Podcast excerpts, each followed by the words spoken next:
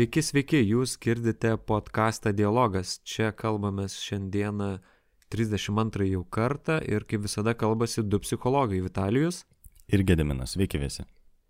Šiandien mūsų epizodo tema - kaip kalbamės su savimi. Dar, manau, ir išdiskutuosim, kaip tą galima pavadinti ir netgi vienu žodžiu, bet prieš tai uh, trumpa reklama, kad uh, Turime Patreon platformą, kur džiaugiamės, jeigu jūs paremėte mus, tai padeda podcastui gyvuoti ir mes tada galime skirti dar daugiau laiko kurti epizodus.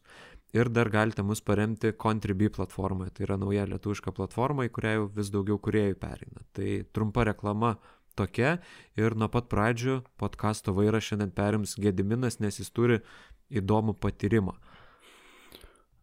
Jo, tiesą sakant, turiu patyrimo pasiūlymą, tai norėčiau pakviesti klausytojus dabar tokiam trumpam e, pokalbiui, šiek tiek kitokiam patiems su savimi, kurį aš trumpai pamėginsiu pravesti tiems, kuriems nesinori. Tai mm, galite praskipinti kažkiek minučių, dar nežinau, kiek tai truks, bet turbūt tada, kai nustos skambės, skambėti muzika, tai tada tai ir baigsis bet norėčiau pakviesti į tokį truputėlį sustojimą, skirimą dėmesio savo ir tam tikrą tokį kitokį pašnekėsi. Ir norėčiau pasiūlyti pamėginti prieiti prie šito patyrimo per tokį um, neracionalaus tikrinimuose, ar tai yra gerai ar negerai, ar tai yra nesąmonė ar sąmonė, bet siūlyčiau prieiti iš tokios prieigos, kad uh, aš leisiu savo 10 minučių patikėti dabar tuo, kas vyksta ir tiesiog į tai įsijausti, įsigyvendinti. Tai turbūt ir pradėsim. Tai siūlyčiau e, ten, kur esate, skirti savo šiek tiek erdvės, kur jūs galėtumėt patogiai sukaupti dėmesį į save. Turbūt nerekomenduočiau tą daryti, jeigu vairuojate ar, ar kažkur bėgate maratoną ir panašiai geriausiai būtų kažkur ramiai tiesiog susitelkus į save. Tai siūlyčiau visų pirma dėmesį sutelkti į kvepavimą. Pastebėti, kaip kvepuojate. Kaip orą įkvepiate ir lietai jį iškvepiate.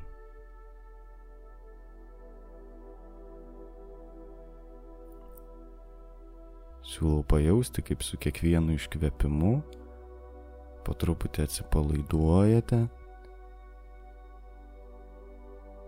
ir pamažu dėmesys susitelkia į save. Su kiekvienu iškvėpimu iškvepiate rūpešius, nerimą ir įkvepiate atsipalaidavimą. Galite trumpai peržvelgti savo kūną, pastebėti, kaip atsipalaiduoja pėdos, blauzdos, šlaunys, kaip atsipalaiduoja dubens rytis, pilvo, krūtinės, atsipalaiduoja pečiai, rankos delnai.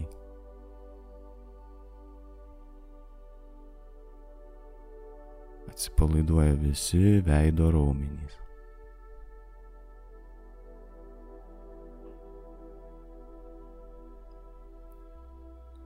Jūsų dėmesys yra sutilktas į kvepavimą.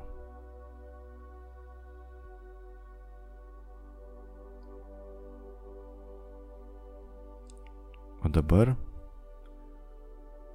aš pasakysiu keletą, tiksliau daugiau frazių.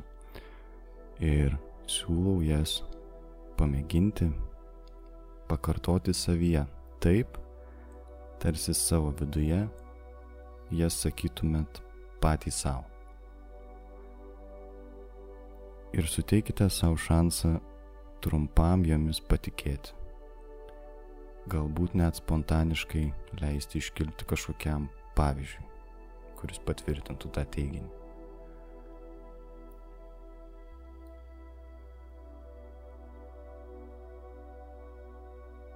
Kartokite po manęs. Aš priimu save tokį, koks esu.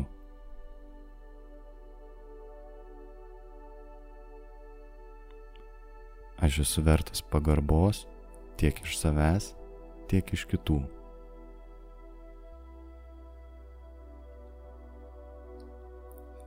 Aš esu vertas meilės.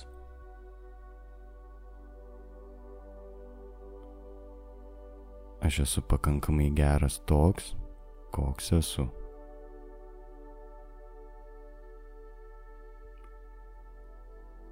Aš galiu būti ir būnu savimi.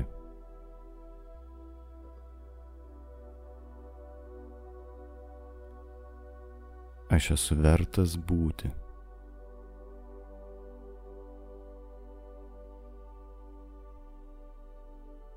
Susidūręs su iššūkiais, aš atrandu sprendimus.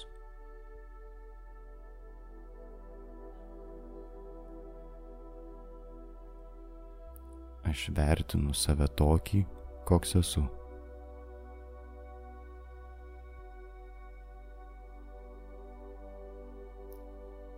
Aš priimu savo kūną tokį, koks jis yra.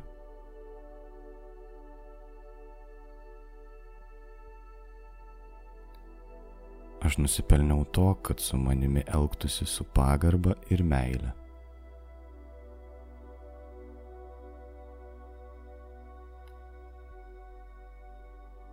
Aš nusipelniau jaustis gerai.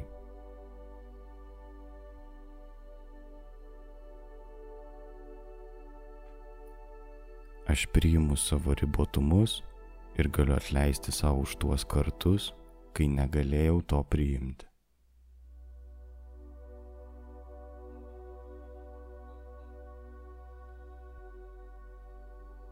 Aš galiu būti spontaniškas, žaismingas ir tai apie save mėgstu.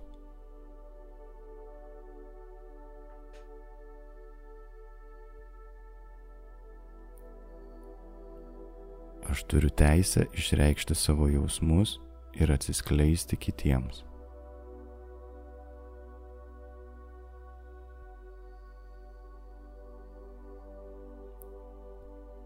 Aš esu vertas jaustis laisvu.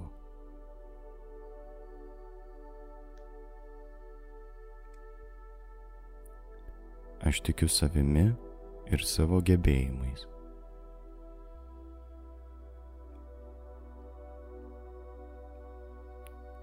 Aš esu vertas tokio gyvenimo, kurio trokštų.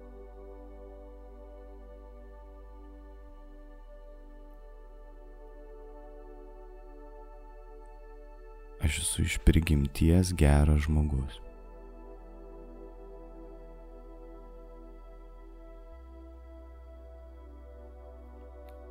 Aš turiu gabumų ir juos vertinu.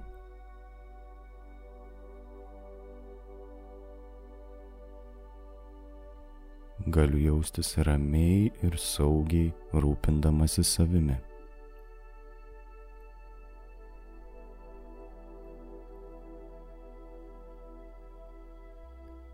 Aš esu toks, koks esu ir niekad to nekeišiu.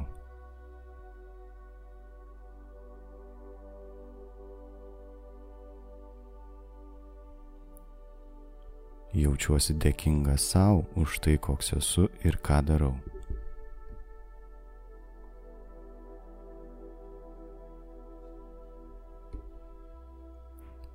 Jaučiu dėkingumą savo už pastangas, kurias kasdien įdedu.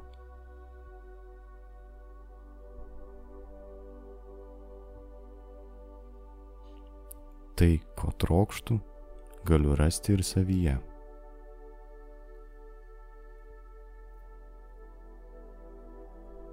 Savyje galiu rasti ramybę, saugumą, gerumą.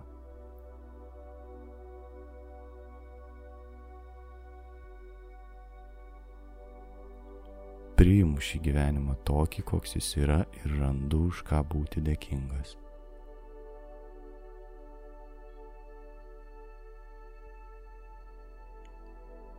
Man patinka tai, kuo esu ir kuo tampu.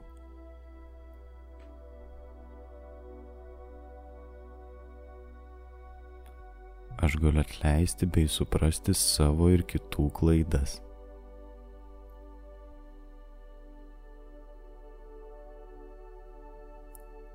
Aš priimu visus jausmus, kurie kyla manyje.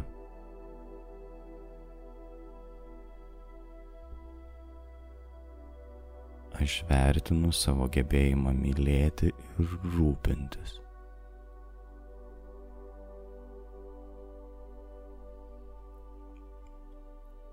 Aš džiaugiuosi savo pastangomis kurti gyvenimą.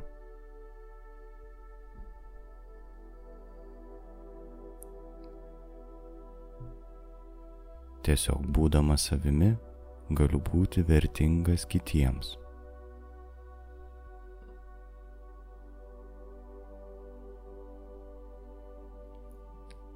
Aš esu svarbus.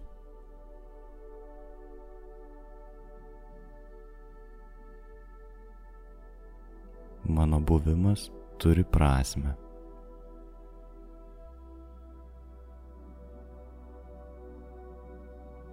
Jaučiu dėkingumą už tai, kad esu.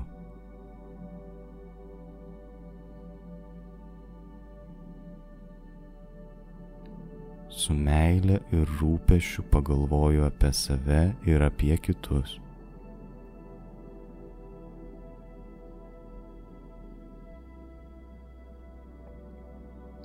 Net žinodamas savo trūkumus ir klaidas, galiu save pagirti už pastangas rūpintis savimi ir kitais.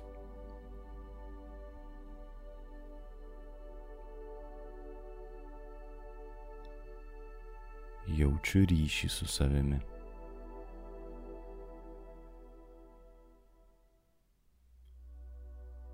Aš galiu savimi pasikliauti.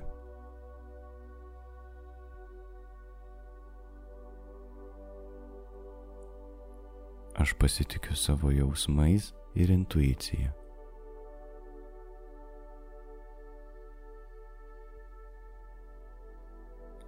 Jaučiuosi ramiai ir saugiai priimdamas save tokį, koks esu.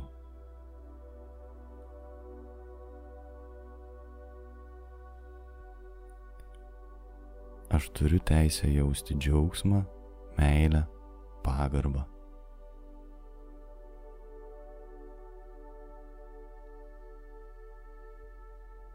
aš galiu rasti grožį savyje.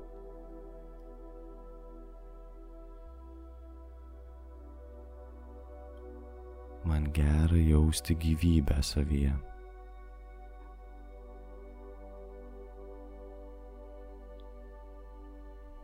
Aš esu pakankamas.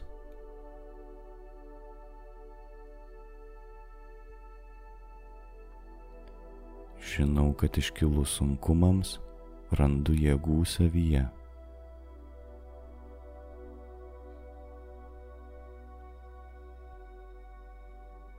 Aš vertinu ir gerbiu savo ribas.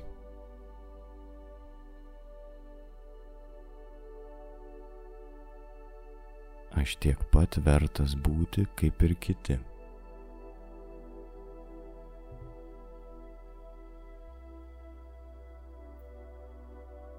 aš randu savyje tai, kuo galiu didžiuotis.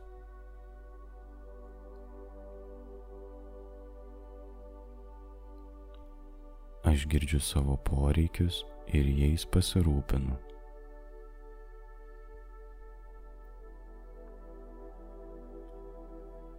Aš priemu save tokį, koks esu.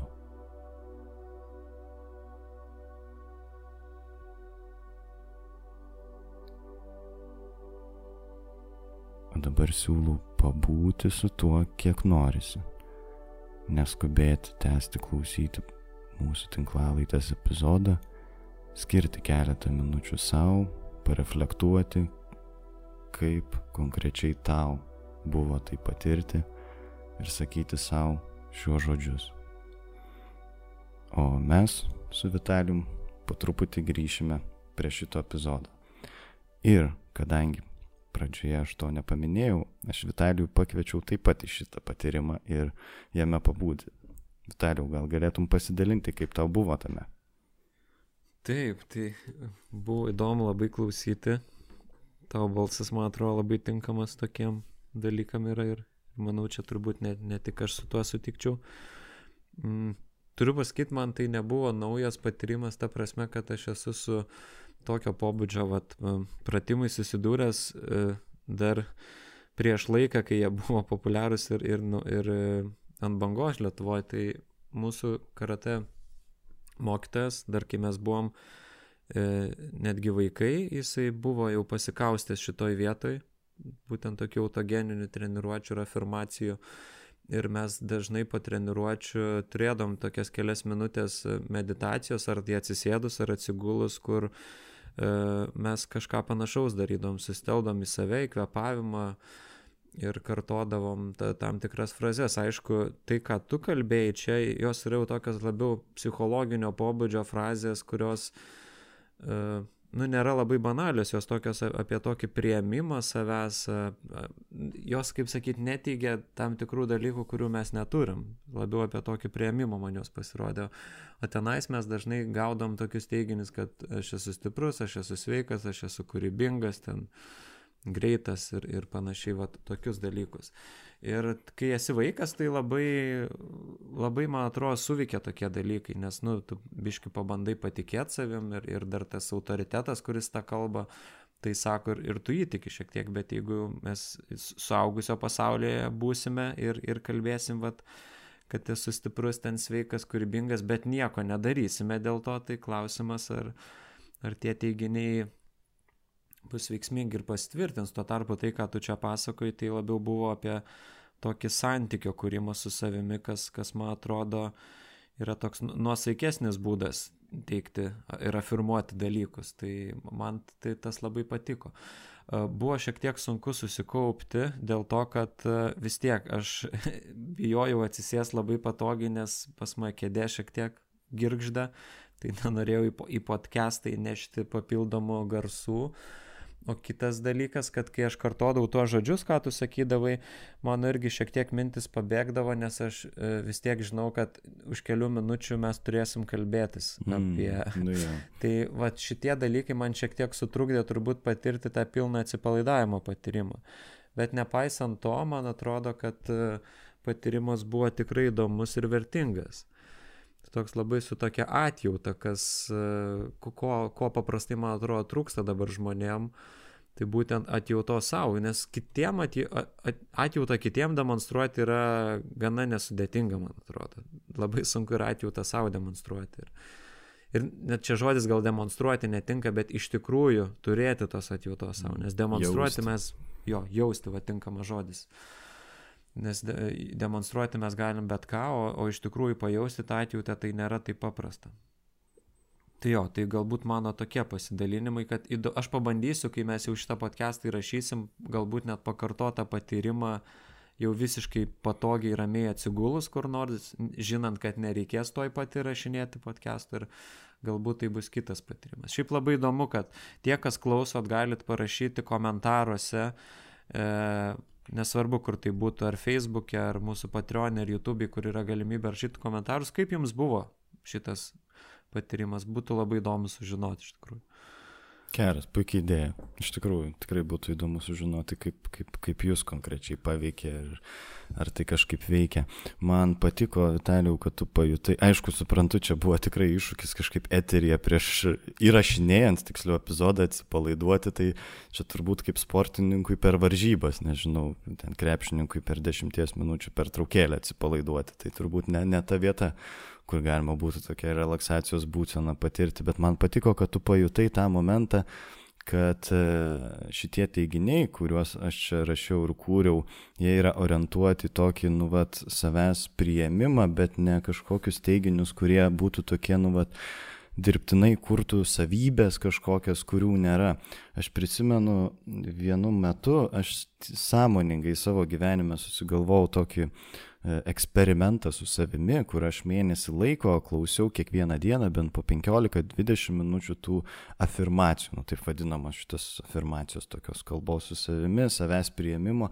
Ir aš atsimenu, kad mane patį labai taip nu, va, aš tarsi įsileidžiu tą patyrimą ir man įjungia karts nuo karto skepsi tie žodžiai, kurie sako, tai, nu, va, kas neegzistuoja ir, ir ko nėra, kad aš ten esu kažkoks super ypatingas. Arba viena jokingiausia buvo, kur mane visiškai išmušė, aš juoktis pradėjau, kai klausai ten angliškai, anglų kalba aš klausydavau, nežinau, ar lietuvių kalba yra tokių dalykų, bet, nu, va, dabar jau bus. Tai ten, žinai, visokių, aš priimu save tokį, koks esu ir panašiai, visi tie ir tada tokia afirmacija, aš esu bilionierius. Ir taip, what, ką? tipo, aš pradedi juoktis, tipo, čia tu atsit bandai save nuteikti, kad tu milijonierius esi ar ten taps, tipo, kodėl iš vis čia pinigai ir toks iškart išmeta iš to patyrimo. Tai su tuo, man atrodo, tokiais, tokiais teiginiais labai sunku tapatintis, o su šitais man regis daug lengviau. Ir kas man buvo įdomus to mėnesio patyrimas, kad aš įsisamoninau savyje tokį labai svarbų dalyką, kad aš esu vienas iš tų šiaip žmonių, turbūt reikėtų prisipažinti, kur su savo vidiniu kritiku irgi ilgą laiką kovojau ir jo balsą karts nuo karto vis dar išgirstu. Tai to mėnesio rezultatas man buvo tas, kad aš į savo vidinio dialogo žodyną įnešiau tokių žodžių ir frazių ir jos tapo kažkuria prasme natūralia mano dalimi, kurių ten niekada nebuvo tokių, kur aš, nežinau, pavyzdžiui, savo sakyčiau, kad jo, susidūrė su sunkumais, aš visada ieškau ten sprendimo būdų ir atrandu ir jėgų savyje pereiti juos pavyzdys, vienas iš čia dabar spontaniškai, kuris atėjo į galvą, kuris tampa tokia natūralia dalimi, kai anksčiau būdavo reakcija daugiau tokia, kur susiduri su sunkumais ir ten, ar tai pyksti, kad jie atsiranda, ar tai pradedi nerimauti, išsistresuoji, ar tada galvoji, gal čia su manim kažkas negerai, jeigu aš taip reaguoju. O dabar atsiranda toks visai kitas, toks rūpastingesnis, su atjauta balsas savyje. Tai man tokį poveikį davė, tai dėl to man kažkaip ir norėjusi labiau pertikti būtent tokio pobūdžio frazes, kur mes tikrai nu, sunku būtų sabėjoti, kad mes turime teisę savo pasakyti, kad aš galiu priimti save. Jo, tai tos patirtis e, su afirmacijom girdžiu gali būti visokios ir komiškos ir, ir tikrai e, duodančios praktinę naudą. Ir, ir man atrodo, tai labai susijęs su pačiom afirmacijom, kaip, e, nu, koks jų yra turinys ir apie ką jos kalba. Turbūt daug kas e, žino tokį, nežinau kaip jį pavadinti, motivatorių, nemotivatorių. Davidas Gogingsas yra toksai uh, labai kietas bičias ir pas Džorauganą buvęs ir, ir turi knygą parašęs Can't Hurt Me. Ir jisai, aš žiūrėjau trumpą interviu su juo, kuris būtent apie tą kalbėjimą su savimi self-talk pasakoja ir jis sako, kad aš kai kalbuosi su savimi, aš orientuojuosi į, pavyzdžiui, į praeitį, tai ką aš dariau, tai ką aš pasiekiau arba tai, kas man pavyko. Uh, bet ne į tai, vat, kas bus. Nes sako, jeigu tu prieš, tarkim, varžybas ar, ar kažkokį veiksmą sakysi, kad e, aš laimėsiu, aš laimėsiu, aš laimėsiu, bet nesijėmi jokių veiksmų tam daryti, tai čia yra ne, ne kalbėjimas su savimi, čia yra tiesiog melo kartojimas. Tai, tai man atrodo, kad e, e, aš ne, neturiu tyrimo domenų, bet taip intuityviai galvojant, kad naudingesnis kalbėjimas su, su savimi yra tada, vat, kaip tu sakai, kad neteigi kažkokių savybių, kurių mes neturim arba kur, kurių mes nesam išsiugdę, bet teiki kaž, kažkokius e, teiginius, kurie byloja apie tam tikrą santykių su kažkuo. Mm -hmm. Kur galbūt tas santykis gali būti problemiškas, tarkim, su kūno vaizdu. Aš skaičiau, uh, skaičiau tekstą, kur labai gražiai pasakoja, kaip kalbėjimas su savimi gali keisti mūsų kūno vaizdą ir santykių su mūsų kūno vaizdu, kas dažniau turbūt būdinga yra moteriams, uh, turbūt ir kultūriškai, ir, ir, ir visai kaip, nes jos dažniau šiek tiek kompleksuoja dėl, dėl savo kūno. Tai man patiko, kaip ten buvo pateiktas pavyzdys su tuo, kad be to, kad tu gali nemėgti savo kūno ar netgi kažkokių kūno dalių, ten nežinau, rankų, kojų, dar kažkokių kitų kūno dalių, tai tu gali jas matyti ir per tą prizmę, kad palauk, tai yra tai yra rankos, kurios apkabina mylimą žmogų, tai yra rankos, kurios e, sveikinasi su draugais, tai yra kojos, kurios eina į žygius. Tai yra koja, kuri, nežinau, kuri gali įspirti žmogui, kuris užnisa ir e, priešininką nuspirti, nu, visokių kitų, kad žodžiu, kaip ir objektas tas pats, bet mes kūriam vidinėme dialogę santyki su tuo objektu kitokį. Geras. Tai be to, kad mes nuvertinam, tai pal, galim palikti netgi biški tą nuvertimą. Nu, galim mums atrodyti kažkokios nefainos mūsų rankos, kojos, nežinau, plaukai, dar kažkas. Bet be to mes galim pamatyti ir pozityvių dalykų apie tai. Man labai patinka tas skirtis, kurią tu čia padarai dabar tarp to kažkokio teiginių, dalykų, kurių nesama ir tarp tokio santykio kūrimo su tuo, ar tai su savo kūnu, ar tai su savo nu, charakteriu, tebūnė, sakykime, su pačiu savimi. Kad jo turbūt čia nais yra iš ties tokie pora momentų, kurie tikrai svarbus pratesant šitą gerą skirtį, kurią tu padarė apie tai, kad uh, čia yra viena vertus e, su tom pozityviom afirmacijom ir tokiu kultivavimu e, rūpestingo ir teigiamo vidinio dialogo su savimi yra labai plona riba tarp to, kas yra taip, nusakykim, tikra, autentiška, ką galima įsileisti ir adekvatų gyvenimo kontekstui ir kas yra, tamp, tiksliau, tampa tokiam pozityviom iliuzijom kur aš nesitvarkau savo gyvenimo, kur aš skaudinu savo artimuosius, kur kur aš daugiau atnešu kančios į šitą pasaulį, negu kad, nežinau, negu kad kažką konstruktyvaus veikiu, ta prasme, tarkim, ten, nežinau, esu priklausomas nuo narkotikų, nedirbu jokio darbo, vogiu pinigus iš kitų žmonių ir savo ten, nežinau, artimųjų ir įskaudinu kitus žmonės, juos išnaudoju, ten apiplėšiu gal kartais. Nu čia, tarkim, toks pavyzdys ir aš tada atsisėdu, čia hipotetiniam pavyzdyje ir kartoju savo afirmacijas, kad aš priimu save ir kitus, kad aš esu geras ir kūrybingas, jaučiu atjautą kitiems žmonėms. Nu, tai jau skambėtų kaip tokia pozityvi iliuzija, kuri tarsi užklotų, užglaistytų tos gyvenimo sunkumus, kuriuos reikėtų šiaip imti spręsti, o ne savo sakyti, sakyti, kad viskas yra tvarkoje. Tai man atrodo, kad va, ta skirtis, kurią tu išskyri apie tokį santykio su savo, ar tai net sunkumais, ar tai su savo lyga, kas vienas šiaip irgi absurdiškiausių dalykų atrodo, e, esant depresijai, sakyti savo pozityves afirmacijas, kur emociškai, nu, tu ne už ką taip nejauti kaip tik emociškai eina labiau vidiniai dialogai, tokio nuvertinimo savęs, ne, nevertumo jausmo, kalties labai daug tokios nevilties, tame yra labai daug ir tame bandyti save kažkaip tai pradžiuginti, tai irgi tarsi gali skambėti kaip pozityvi iliuzija, bet kita vertus, nu, vat, tas santykio su savimi aspektas, tai kaip mes priemam save kenčiantį, va šita dalis yra ta, kurią mes galim pakeisti. Ir man atrodo, dėl to yra toks nu, visai svarbus kalbėjimas apie tą vat, mūsų vidinį dialogą su savimi, nes yra tame, nesakau, aš tikrai nenoriu teikti ir man tikrai atrodo dažnai ten tų motivatorių, kaip įskaitant ir Goginso kalbos, kaip tokios, nu, perdėtai pozityvios iliuzijos, kur atrodo, pasakyk savo, aš myliu save ir išsispręs viso tavo gyvenimo problemos. Arba ten, pasakyk, aš esu laimingas ir e, ta, tapsi laimingu maždaug. Toks perdėtas supaprastimas, taip neveikia. Bet kita vertus, sav, mūsų vidinio dialogo procese tikrai yra ta dalis, kurią mes galime pakeisti kur mes turim įtakos ir turime gebėjimą sąmoningai tame dalyvauti. Tai galima netgi įsivaizduoti tai kaip išorinį, jeigu taip dažnai psichologai ir tą daro, vidinį kritiką, vat, mes patys epizodą apie tai darėm, nu, vat, kažkaip personalizuoja tą kritišką balsą savyje, kur tu tarsi tai padarai kaip dialogo partneriu, kaip tam tikra kita asmenybė. Ir su žmogum, tarkim, ten su kokiu nors kritišku tėčiu, tu gali eiti skirtingais būdais į dialogą tu gali priimti jo žodžius, arba tu gali ginčytis, arba tu gali sakyti, okei, okay, čia tavo nuomonė, bet aš žinau, kad yra kitaip kažkaip. Ir tai yra tu mūsų laisvės dalis, kur mes galim tą pakeisti. Tai dėl to, man atrodo, kalbėjimas apie tą vidinį dialogą yra ir viena vertus labai reikalingas, nes tai yra be galo aktualus dalykas, ir tai yra labai viltingas aspektas.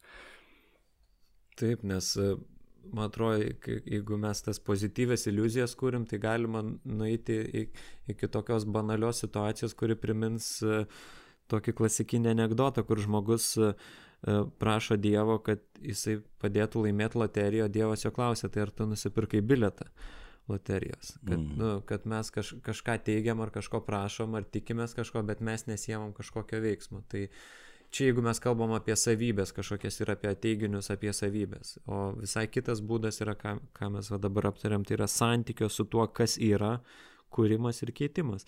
Nes iš tikrųjų netgi žmonės, kurie kalba apie tai, kad pas juos vidinis kritikas e, yra labai stiprus, e, kad jisai visą laiką nuvertina viską, kad jis tokiu vos ne automatu veikia, reikia nepamiršti, kad vis tiek čia yra ir pasirinkimo momentas. Jeigu tu žmogų paprašysi, pakalbėti ne iš vidinio kritiko perspektyvos, kad būtent išskirsi tas vidinės struktūras. Čia yra vidinis kritikas ir čia vat yra pas tave tavo tas balsas. Ne vidinio kritiko, kuris priima, nekritikuoja, palaiko. Ir, ir tu liepsi pakalbėti iš to, tai jis pamatys, kad ir jo būsena šiek tiek netgi pasikeičia ir kad jis gali pakalbėti iš tos kitos perspektyvos. Tai vadinasi, tai yra ir pasirinkimo momentas. Tai ne tik, kad yra kažkokia autonomiška figūra, vidinis kritikas, kuris kada nori įsijungia ir, ir tik tai šluoja viską nuo paviršiaus. Kartais taip atrodo, nes kartais jis labai būna aktyvus ir išviešėjęs, bet sąmoningom pastangom galima iškviesti ir tą kitą dalį, nes vis tiek čia yra tam tikras polariškumas, jeigu yra gėris, yra blogis, jeigu yra kritika, yra prieimimas, jeigu yra greitis, yra ir lėtumas, nu čia taip banalus tokie pavyzdžiai, bet tiesiog eiti per santykių su to polariškumu, tai vad kaip yra, kai kai kritinis balsas kalba ir kaip yra, kai kalba tas priimantis balsas. Ir galbūt žmogaus paklausti, kuriuo tau balsu uh, tuo vidiniu maloniau kalbėti arba kuris tau duoda naudos daugiau. Ir aš iškart prisimenu Fritzą Perlsą, tą klasiką gestalto terapijos, kuris labai ir praktinę užduotį turėjo, apie kurią aš turbūt esu nekartą užsiminęs podkastę, kai jis, jisai vadino tuos du balsus top dog ir underdog. Tai underdogas yra tas, tas, kuris kritikuoja, nuvertina, tas toks visuomenės kartais balsas, tarkim, tos auditorijos, kurio žmogus bijo balsas.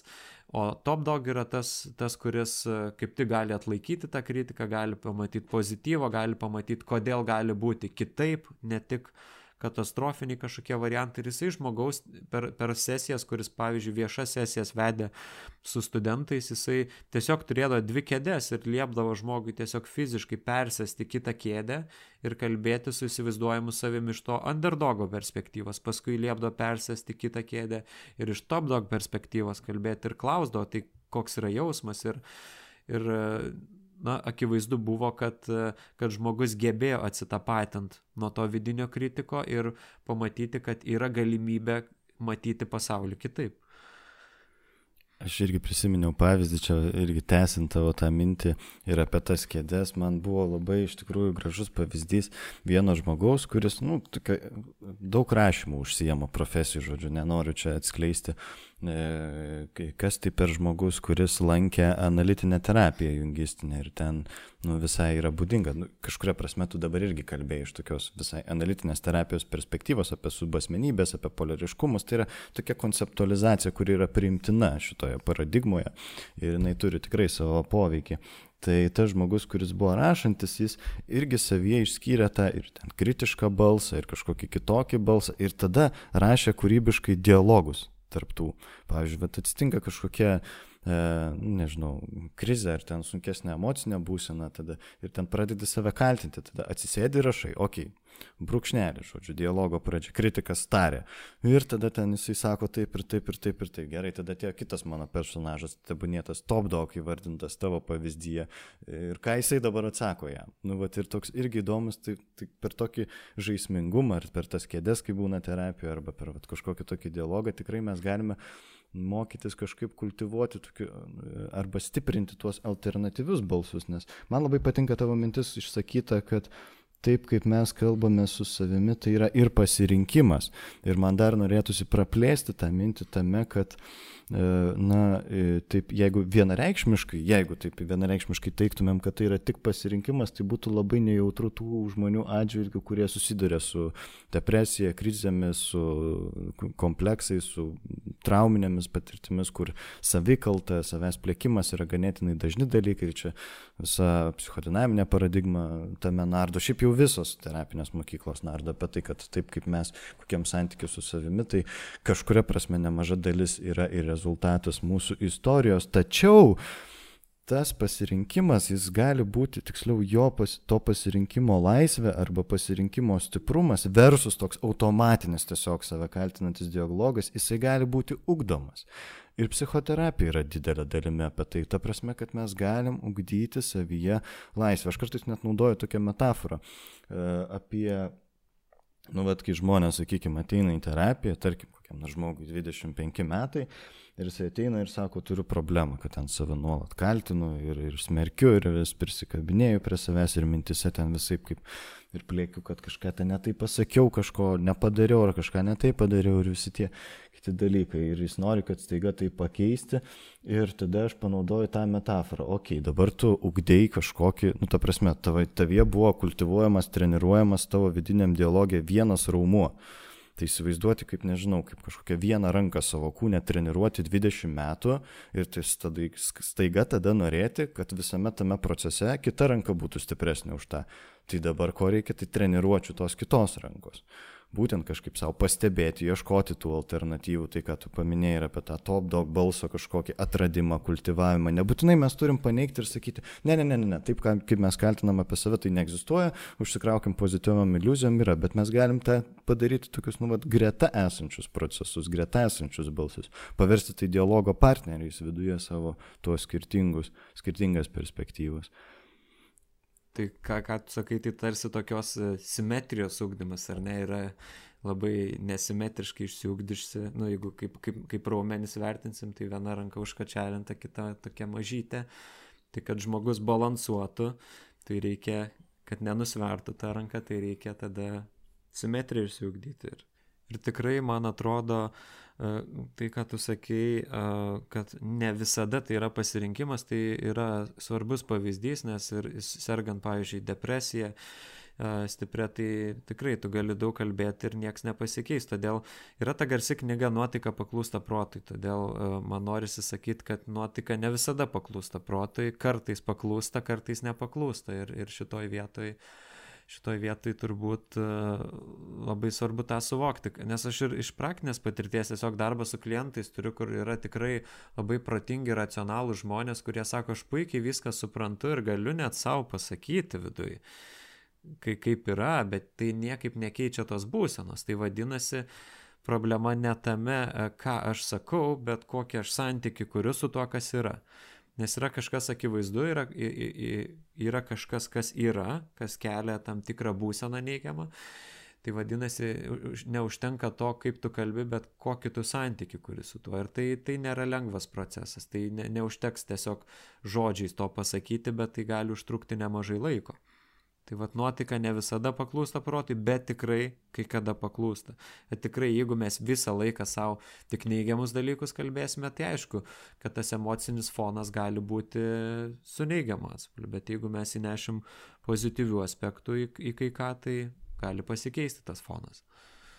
Jo, ir čia turbūt svarbus irgi aspektas pratęsant tavo mintį, kad svarbu įsisamoninti, kad dažnai mumise kalba ne kažkokios absoliučios tiesos ar, tiesos ar objektyvūs teisėjai, bet neretai mumise kalba būsenos.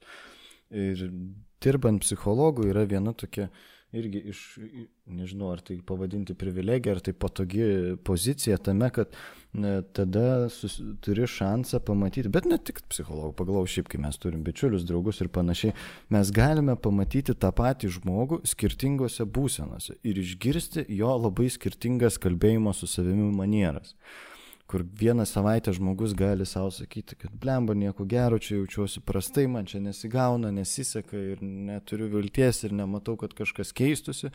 Ir tada gilinėsi ir supranti, kad ten prieš porą dienų kažkas įvyko, kas sukėlė stresą, ten darbe dar užgriuvo reikalų, ten dar sukonfliktavo su kažkokiu žmogumi ir tuo metu kalba būsena, kuri tarsi vidinėme dialoge teigia tokius absoliučius teiginius. Tai yra, koks aš esu ir kaip ten atrodys pasaulis, tokius labai nelokalius žodžius ir su, pamačius tas sąsajas, kad tai kalba būsena, kurią sukėlė kažkokie, kuri turi pagrindą tą būseną, kažkokių įvykių ir panašiai, tai tas palengvėja. Ir tada, kai matai kitą savaitę žmogų kitoje būsenoje ir visai kitaip kalbantį, ir apie perspektyvą, ir apie, nežinau, apie save, apie ateitį, kad oi visai kažkaip neblogai jaučiuosi ir čia turiu ir tokių norių, ir tokių svajonių, ir tada pagalvoji, tai kame reikalas.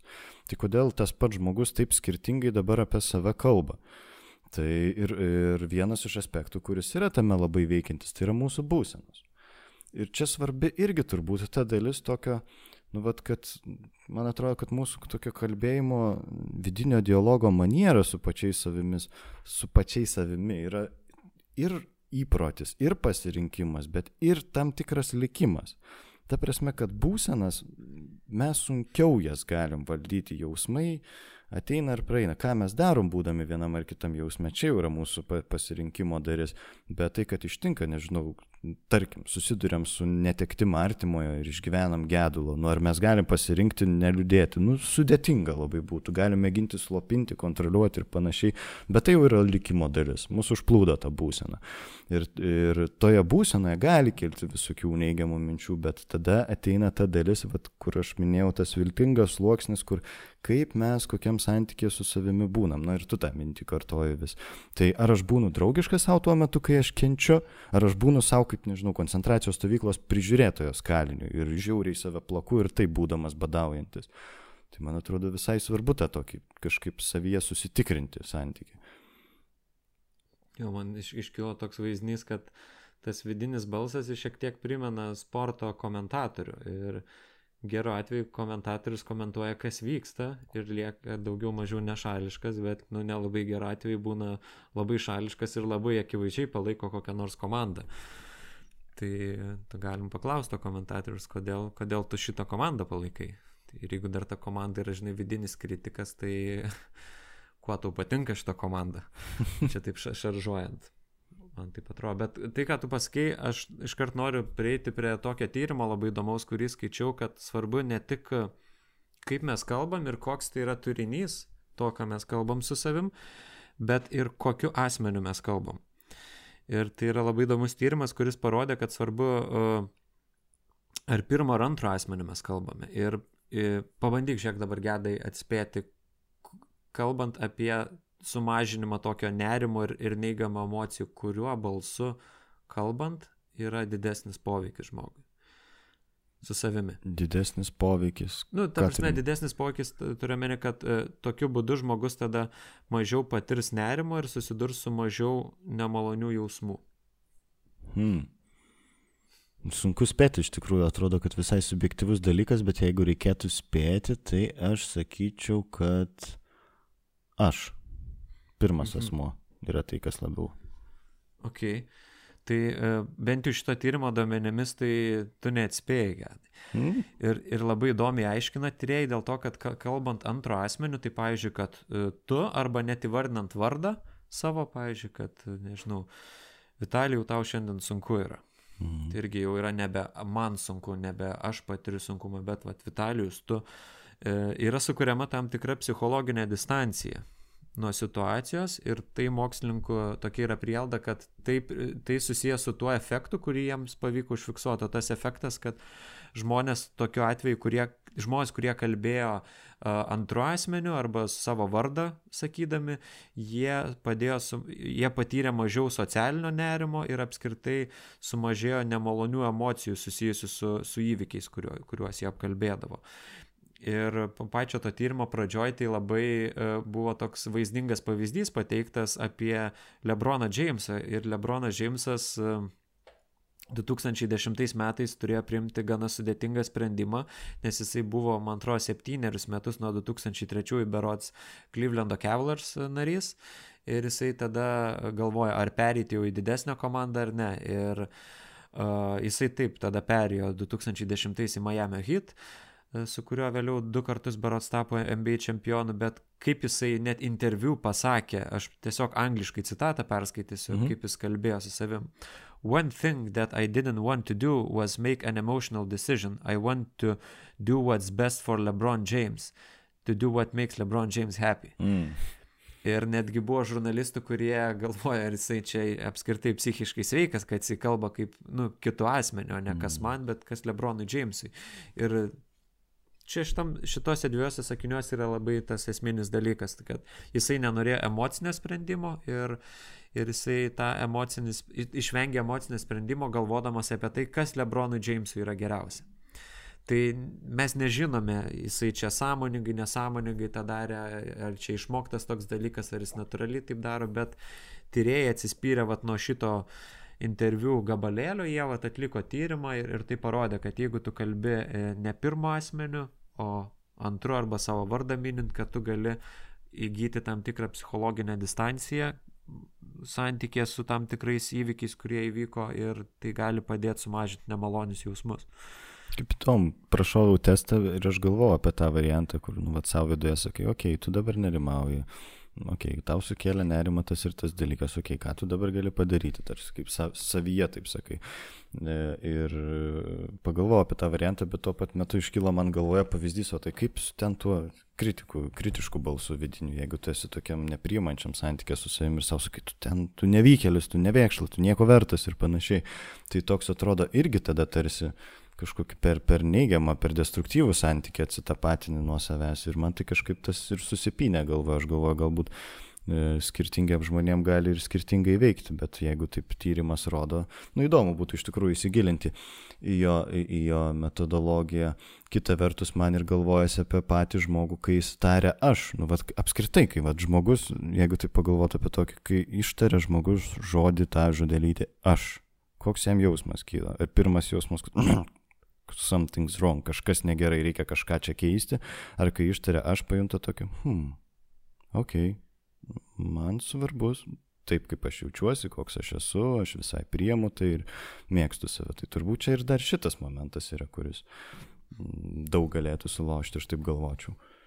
O nes dar pridedant prie to pirmo tyrimo, kurį paminėjau, dar pasidomėjau ir kitų tyrimų, kuris atkalbėjo apie jau trečią asmenį kalbėjimą, tai vėl matom, kad yra ne pirmas asmo, o trečias ir e, ten jau žmonės kišo į magnetinį rezonansą, kas yra labai madinga dabar ir, ir žiūrėt, kas ten veikia. Ir būtent e, kai, kai e, kalbėjo apie nemalonius prisiminimus e, žmonės ir kai jie kalbėjo, vat, naudodami trečią asmenį tame būtent vidinėme dialoge, tai e, visai kitose smegenų sritise vyko aktyvumas.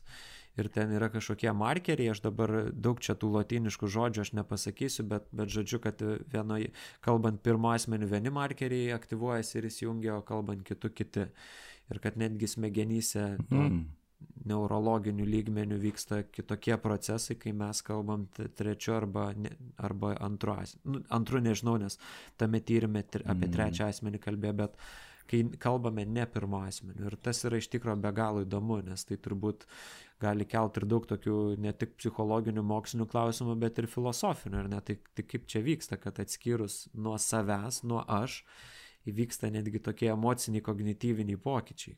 Apie, apie ką čia yra. O va čia iš tikrųjų įdomu, kažkaip dabar aš jau vis labiau linkęs patikėti tuo, kuo tu daliniesi, kad, nu, vat, galvoju, kai mes esam tikrai intensyvioj tokioje neigiamai būsenai, tai turbūt, kad toks didesnis vidinio atstumo, vidiniam dialoge netgi atstumo kūrimas su ta būsena padeda tarsi iš šalies pasižiūrėti. Ir žinai, aš laužiau galvą prieš šitą podcastą mūsų, galvau, nu, vat, kurių galų, taip tęsiant tai, ką tu iškėlė kurių galų žmogus apskritai linkęs taip, nu, vat, save kaltinti. Ir kaip čia yra? Vat, jeigu pratęsant tą klausimą, kad trečiu asmeniu mes kažkaip linkę labiau su atjauta ten su savimi kalbėti, nes turbūt sutiktum su tuo, kad žmogus daug dažniau yra rūpestingesnis kitam negu savo. Kad tai, kur mes prie savęs prisiknisinėjom, kur savęs merkiam už dalykus, tai kitose mes juos atleidžiam. Ar tu kitaip manytum? Taip, su, sutinku su tuo. Ir tai net sunku gana e, evoliuciškai, kaip sakyt, paaiškinti, nes evoliucija tarsi sako, kad tas, kas yra egocentriškas ir selfish, angliškas žodis, jisai išgyvena, kas dėl savęs eina, bet kažkaip bet žmogus išsiugdęs yra ta, kad jis gali savo poreikius netgi atiduoti kitam ir virš, virš savęs iškelti kito poreikius. Ir kaip, kaip tai veikia, tai atrodo labai taip kontraintuityvu. Jo, ir man atrodo, čia tas visai svarbus klausimas, kad turbūt egzistuoja tokia tendencija, nu, bet kad žmonės labiau linkia kažkaip, kalbėdami apie save, šiek tiek labiau save teisti ir kitus šiek tiek labiau išteisinti. Nors yra visokių ten tyrimų ir visokių kampų į tai pasižiūrėti ir jeigu taip nesiplečiant, tau kyla minčių kokiu nors, Vitaliu, kaip tau atrodo, dėl ko tai yra? Man atrodo, kad vis tiek žmogus, bet čia fantazuoju, jo. ne, ne moksliniai duomenys, kad tiesiog žmogus save laiko vis tiek kažkokiu ar tai ypatingu, ar tai kitokiu nuo kito. Kad jisai daro vis tiek kažkokią skirtį, nes man, man iš karto kyla į, į, į galvą tokia užduotis, kurią aš esu bandęs ir su sportininkais, kai jie yra, neturi atjauto savo dėl, dėl tam tikrų nesėkmių, pralaimėjimų. Tai yra toks įdomus pratimas, laiško draugui rašymas, kuris vat, susidūrė su ta pačia problema ir ką tu jam atsakytum. Ir oi, kaip jie ten gali padrasinti, pa, pagirti, kad čia atsijėti situaciją nuo įvykio, kad, kad tu nesi loseris, kad čia nu taip įvyko, ne, bet su savim tai neišeina. Ir kai aš klausiu kartais, o tai kodėl savo neišeina va taip padaryti? Ir sako, nu nežinau, nu savo savo neleidžiu kartais, arba nu negaliu savo to leisti, arba nu nepavyksta kažkaip. Kad tarsi aš kažkoks kitoks esu, kad nu tai, kas galioja kitam, netinka man. Nors tai nebūtinai pagrystas yra teiginys. Jo, ir va čia yra tas million dollar question, nu, va, kame reikalas, dėl ko taip yra, nu, va, žmonės, nu, va, tavo pavyzdį pateiktam net nu, negali pats žmogus pasakyti, kodėl kitam jis linkęs draugiškesnių būti, o savo labiau smerkiančių. Žinai, kai aš apie tai galvojau ir keletą dalykų skaičiau, man kažkaip, keletas tokių paaiškinimų, nu, kaip paaiškinimų, hipotezių, čia labiau filosofuoju dabar, tai nėra kažkokie tyrimai patvirtintai dalykai, bet, bet labiau hipotezės apie tai, kas tame vyksta. Tai aš pasidalinsiu ir man įdomu, ką tu, Vitalijau, manai apie tai. Man atrodo, kad vienas iš dalykų, kuris veikia, tai kad kai mes galvojame apie save, ir tarsi turim kažkokį, nu, santykių su savimi, ap, apskritai, nu, vat, kas tas aš yra, tai mes apie save realiai žinome visas savo e, kaltes, visas savo įdas, visas savo kažkokias destruktyves ar iškrypusias ar godžias ar pavydžias fantazijas. Mes prisimenam visokius savo nusižengimus, mes žinom kažkuria prasme savo trūkumus, mes nujaučiam ir galim prisiminti, kur mes kažką netai pasielgiam, netai padarėm, ir mes žinom gerai savo ribotumus ir mes žinom apie save tuos momentus, kur mes tarsi su kitais būdami kažkiek, nu, vad, pagražiname save ir tai kažkaip išdu. Ir visa tai, visas tas žinojimas mums yra apie save prieinamas. Kai mes žiūrim į kitą žmogų, mes nežinom, taip sakant, mes neturim prieigos prie visos jo sąžinės sąskaitos, mes neturim prieigos prie visų jo patirtų gėdų gyvenime, prie visokių fantazijų, kurios yra socialiai nepriimtinos, kurias mes savyje tai žinom. Ir tada man atrodo, kad gaunasi toks momentas, kad nu daug sunkiau mylėti tokį žmogų, kuris turi visas tas įdas, visas tas destruktyves ar kažkokias fantazijas, visas tas klaidas, įvairiausių gėdų, įvairiausių kalčių neišpirktų pilnas ir dar kur atsikartoja, kur kažkaip netai pabūni santyk. Žymiai sunkiau mylėti tokį žmogų negu kitą, kur tu jame realiai tu nematai, jeigu čia taip dar vieną įmesti elementą, kad mes savyje, kas man atrodo irgi vienas iš dalykų susijusių labai stipriai su to mūsų vidinio dialogo pobūdžiu, tai tas plyšys viduje esantis tarp to, kaip mes gyvename ir kaip mes elgiamės, kaip mes būnam, dalyvaujame santykiuose, priemam sprendimus ir tarp to tokio, nu, vat, kaip psichologai visai skirtingai konceptualizuoja, tarp tos vidinės jūslės, tarp to sąžinės balso, tarp to savasties balso, ar tarp to kažkokio autentiško vidinio kuždėsio, kuris sako, kaip mes šiaip jau turėtumėm būti, kaip mes, kaip mums būtų tikra, kaip mums būtų autentiška, kas mums būtų pagal mūsų pačių prigimti būti. Ir mes tą plyšį savyje jaučiam. Mes pajuntam situacijose, kai mes, blemba, kažkaip nu, biški pamelavau čia, kažkaip pagražinau situaciją, gal nereikėjo to sakyti, gal čia biški buvo apkalbėjimas, kai aš tuo dalinausi, kažkaip negerai. Ir mes tą plyšį išgyvenam, kai mes matom kitų elgesį, mes neturime prieigos prie jų vidinės jūslės ir to vidinio balso, sąžinės balso ir mes nežinom, kiek kitas žmogus savo tam vidiniam balsui nusižengia, kai jisai dalyvauja pasaulį, kai jis būna pasaulyje. Mes matom tik jo raišką ir mes galvojam, kad ta raiška, nu, va, yra tokia, kokia yra. Ir kad jis neišgyvena kažkokio neautentiškumo, kažkokios savikaltos ar gėdos ir panašiai.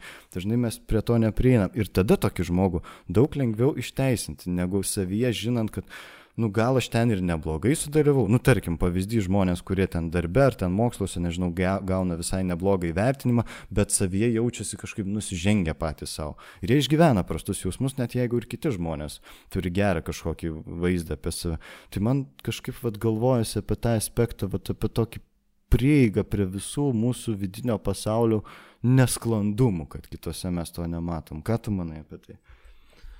Tai, ką tu pasakai, man skamba visai teisingai, kad nu, nėra to aš pajūtimo, kad nu, mes matom kitame, nu, paimkim vardą Jonas, tai mes matom Joną kaip kažkokias turim savybių rinkinį Joną ar ne, bet vis tiek nėra to Jono pajūtimo, kaip jis save jaučia. Ir todėl mums gana lengva atskirti Joną ir, ir tarkim, kažkokį įvykį. Tuo tarpu man atrodo, kad mes save labai tapatinam e, asmenį su pačiu veiksmu, kurį atlikom. Jeigu paimsim neteisingą kažkokį veiksmą ar klaidą kažkokią ar nesėkmę, tai kad mes iš karto tapatinam, kad aš kaip žmogus, kaip asmenybė, nežinau, kaip būtybė, kaip čia beivardinsi, kad, nu, tai, kad, nu, kad, kad ir aš toks esu nesėkmingas, nes aš, jeigu būčiau sėkmingas, tai aš padaryčiau sėkmingai, jeigu, jeigu būčiau geras, padaryčiau gerai, bet dabar, jeigu padariau blogai kažką, nepavyko, tai vadinasi, nu ir aš kažkoks nevykęs. Bet čia yra ir viena svarbiausia turbūt tokio gebėjimo uh, išbūti su nesėkmėm uh, taisyklių, galima irgi tai rule of thumb, ta auksinė taisyklė pavadinti, gebėt atsitapatinti e, nuo įvykio, kuris įvyko. Tai netapatinti savęs kaip asmens su įvykiu.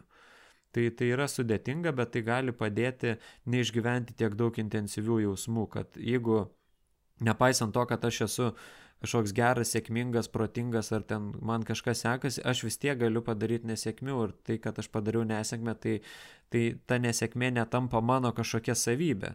Nesėkmė rodo nesėkmę įvykio, bet nesėkmė nerodo nesėkmės kaip žmogaus, kaip asmens. Tai nėra lengva padaryti ir, ir nemažai uh, turiu praktikos darbę su žmonėm, kuri praktinių patirčių, kur, kur būtent žmogus sieja labai savo kažkokias patirtas nesėkmes su tuo, koks jis yra. Ir tai labai iš skirtingų uh, situacijų plaukia toksai tapatinimas, kai kurie vaiky, iš vaikystės atsineša šitą, kiti, kiti dar kitų pat, patirčių turi, nu, kitų asmenybės tiesiog galima sakyti struktūra tokia, kad jie linkia uh, vat, labai save tapatinti. Tai yra įvairių priežasčių ir, ir ta praktika uh, gali būti tikrai sudėtinga, bet nepaisant to, tai kultivuojant tą gebėjimą atskirti įvykį nuo, nuo savęs yra labai, man atrodo, gali būti labai rezultatyvus ir produktyvus veiksmas, gelbėjant save. Jo, šitas momentas irgi, man atrodo, tikrai svarbus ir kažkaip aš irgi apie tą mačiau. Labai pritariu tau, kad uh, didelė dalim, kai mes užsiemam tokiu saviplaka ir savęs merkimu, tai mes tokiu iš, iš tos tokios matymo plotmės, kas įvyko ir situacijos plotmės peršokom į tokią koks aš esu, tokia verčių plotmė. Ir tarsi koks turėčiau būti. Ir tarsi taip, kaip tu gražiai pasakai, kad mes tapatinam tarsi save. Kai kitam tuo tarpu mes tapatybės nepriskiriam. Kai mes matom savo bičiulių, nežinau, ten e, ieškantį darbo ir ten penkis darbo pokalbius sufeilinantį, tai mes nesakom jam, žinai, nevykėlis, tau, tu gal nebeieškok darbo, nes nieko gero čia nebus. Ne, mes sakom, nu, tau nepasisekė, bandyk toliau, žiūrėk, gal čia gal kažką galima ir patobulinti. Bet savo tai mes lengvai tą pasakom, nes su tom nesėkmėm įmame tą save tapatinti. Ir man atrodo, kad čia irgi dar yra vienas toks e, aspektas, kuris gali būti, bet čia vėlgi prielaida, fantazija, nes man kažkaip visai tas klausimas rūpėjo ir visai nemažai maščiau apie tai, kad e, turbūt čia visai susiję ir su ta dalim, kur mes save tarsi, nu, kad mes vadovaujamės tokia prielaida, kažkuria prasme čia galima būtų konceptualizuoti ir kaip tokį, nu, vat, kaip Jungas mėgo apie žmogų kalbėti, homo religiozus, kad mes esame modernų žmonės modernioje epochoje, bet iš tikrųjų religinis mąstymas ir religiniai elgesiai iš mūsų nėra išnykę, tik jie įgavę tokias sekuliarias formas, bet mes vis viena dar mūsų prigimtis veikia kažkuria prasme tokiu būdu. Tai aš pagalvojau apie tokį vieną aspektą. Man irgi įdomu, kaip tau nuskambės tas apie tai, kad mes kažkuria prasme net patys neįsisamonį, netaikau visiems, bet e, vadovaujamės tokia prielaida, kad visata veikia moralės principais, pagal moralės dėsnius. Ką tai reiškia? Tai yra, nu, bet kaip tikėjimas naujojo testamento dievų, lyginant su senojo testamento dievu, kur senojo testamento dievas Jahve atrodo čia jeigu tai psichologiškai preparuojant, e, atsiprašau visų tikinčių žmonių, jeigu kažkaip tai skambės labai jau, jau chirurg, chirurgija kažkokia teologinė užsiimčiau, bet Senojo testamento Dievas jis atvaizduojamas kaip toks, kuriam, nu, gali būti nenuotaika ir jis sugalvoja nušluoja tautą.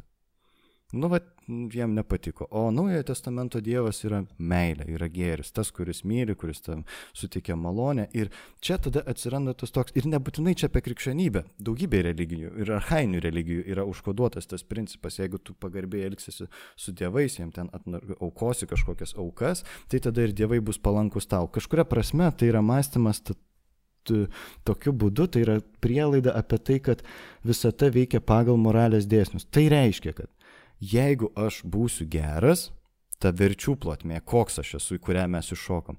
Jeigu aš gerai suprasiu savo klaidas, visas matysiu, įsisamoninsiu ir galėsiu jas pakeisti, tai tada ir Dievas bus maloningas man. Kitaip tariant, jeigu išverčiant į sekuliarią kalbą, tai tada ir gyvenimas, ir realybė, ir tikrovė man bus palanki, manęs neatstum žmonės, aš nesusidursiu su nesėkmėm. Ir tada įsijungia toks momentas, kai mes susidurėm su nesėkme, tada pradedam galvoti, tapatinti save su nesėkme, kad palatai, aš tada Dievas čia, jeigu tai pasirinkiu, pasielgiau, tai, arba čia taip nutiko, tai kaip dabar turėčiau tapti geresniu žmogumi. Nes tarsi jeigu tapsiu geresniu žmogumi, tai tada manęs nebeatstum žmonės, nebeišduos, tada manęs nebetleis iš darbo darbo ir panašiai, kas yra ir tiesa, bet tai yra tikimybinė tiesa ir tai visiškai nebūtinai garantuoja, kad jeigu tu būsi geras, tai tau tikrovė bus palankiai ir kiti žmonės būtinai su tavim gerai elgsis. Ir čia yra tas neapibrieštumo elementas, kur nu, gali būti visai. Tu gali būti labai geras, kilnus žmogus, bet gali kiti žmonės apšikti tau ant galvos. Jo, ir tokioj situacijai, man atrodo, žmogus gali į tokią keblę situaciją pakliūti, nes jisai tada pradės ne galimybės matyti ir vertinti, bet tiesiog klausti, kodėl taip nutiko. Ir tas, man, man atrodo, čia Rimantas Kočiūnas šitą sakė, kad kai žmogus pradeda klausti, kodėl taip nutiko, tai, nu, tada jis jau į negalimybės sukasi, o ne galimybės. Tai nes neaišku, kodėl daug dalykų nutinka ir daug dalykų atsitiktinai nutinka. Kai kurie neatsitiktinai su priežastim, bet jeigu mes klausim tik kodėl, bet nematysim, ką aš galiu dabar tame daryti arba kaip aš galiu tame būti, mes nu, nejudėsim iš tos situacijos. Mhm. Ir čia, man atrodo, irgi dar yra vienas tas svarbus aspektas, ką aš irgi kažkaip, kai mačiau apie tą vis klausimą, nu, vat, kodėl žmogus linkė su savim taip smerkiančiai kalbėtis. Tai uh, ir vat, tas momentas, kurį tu sakai, kad mes pereinam, kai kalbame su savimi tokia vat, tapatumo plotmė, ta prasme, kad sutapatinam kažkokią situacinę klaidą, kad vat, aš esu nevykėlis, darom tokį vat, tapatybinį sprendimą apie save. Tai tas turi vieną tokį efektą, kuris man atėjo galo, turbūt čia daugiau visokių efektų, čia vėlgi spekuliuoju, man tiesiog įdomu, dalinuosi savo pamastymais, tai ką mačiau paskutiniu metu, e, apie tai, kad tai padeda išvengti neapibrieštumo ir suteikia kontrolės jausmą. Kitaip tariant, tai, kad įvyko nesėkmė, tai nėra taip, kad gyvenimas yra neapibrieštas ir neiškus ir mes galim bet kada suklysti ir mus gali ištikti nelaimė, bet pala, pala, pala, aš turiu kažkokią teoriją, kuri man paaiškina šitą tikrovę, turint tikrovės paaiškinamą, man yra daug ramiau gyventi, nes daug mažiau nerimo kelia tas neapibrieštumas, kurio aš negaliu sukontroliuoti ir apskritai siauba varo ta mintis, kad mes neįsivaizduojam net kas rytoj gali nutikti, ar apskritai dar mūsų gyvenimo plotmėje, kada mes susirgsim mirtina lyga ar autoimuninė lyga, ar kada mes neteksim artimo žmogus. Mes niekada to nežinom, bet mes vadovaujamės prielaidą, kad, ne, kad mūsų psichikos saugikliai neiššoktų, kad gyvenimas yra daugiau mažiau prognozuojamas. Ir tas savęs kaltinimas, nutikus kažkokiai netikėtam įvykiui nelaimė, jis padeda išlaikyti tą tokią iliuziją, kad tai yra prognozuojama ir kad aš prognozuoju ir žinau, kas įvyko. O, okay, jeigu čia mane išmetė iš darbo ir aš susimokiau, susimoviau, tai ha, tai aš nevykėlis reiškia. Jeigu būsiu ne, nebūsiu nevykėlis, tai tada aš pakeisiu tą tikrovę. Bet kita vertus, tai ir neleidžia prisimti atsakomybės už patį veiksmą, kad ką aš dariau ne taip. Tas toks tapatybinis sprendimas, bet išlaiko tokia, nu, vat, iliuzinę kontrolę, tarsi aš žinau, kas čia vyksta. Nu, vat, pavyzdžiui, kai žmonės, m, turbūt neretas atvejis, kai e, romantiniuose santykiuose vienas iš partnerių būna paliekamas kito žmogaus arba išduotas tai tada labai aktyvus būna tie klausimai iš kas sferos, tai yra koks aš žmogus, tai aš tada čia per blogas, aš per prasta, tai tada kažkokiu man kitokiu žmogum reikėtų būti, tai aš nevertas, kad su manim taip žinoma būna ir piktis kitam, bet nu vat neretai ir tas toks tapatybinis klausimas, tai ir tarsi vėl tada įsijungia tas, jeigu būsiu kitoks žmogus, tada manęs neišduos, neatstums. Liktai turiu susidėlioję žemėlapį, kuris kontroliuojamas, kuris aiškus žinomas, mano gyvenime nenutiks tai kažkokių netikėtų dalykų ir plus vadovaujuosi tuo principu, kad jeigu aš būsiu geras, tikrovė man bus palanki. Nežinau, ką tu manai apie tai, kaip tau tas skamba? nu, man tai skamba, kad žmogus va, tokių ne, nesėkmių atveju labai į, sugrįžta į tą egocentriškumą tokį, kad jisai staiga pradeda nebematyti aplinkybių kitų žmonių, kad santykis tarp dviejų žmonių būna ne tarp vieno ir tai staiga viskas susiveda į tą vieną vardiklį, į mane. Bet tai tam tikra prasme e, nu, tokia, suteikia tą tokią iliuziją, kaip tu sakai, kad nu, yra paaiškinimas, tai kodėl čia taip įvyko. Tai pats, pats paprasčiausias paaiškinimas, kad aš esu ne, netikęs. Tik klausimas, kiek tas paaiškinimas veda į kažkokį problemų sprendimą ar kažką.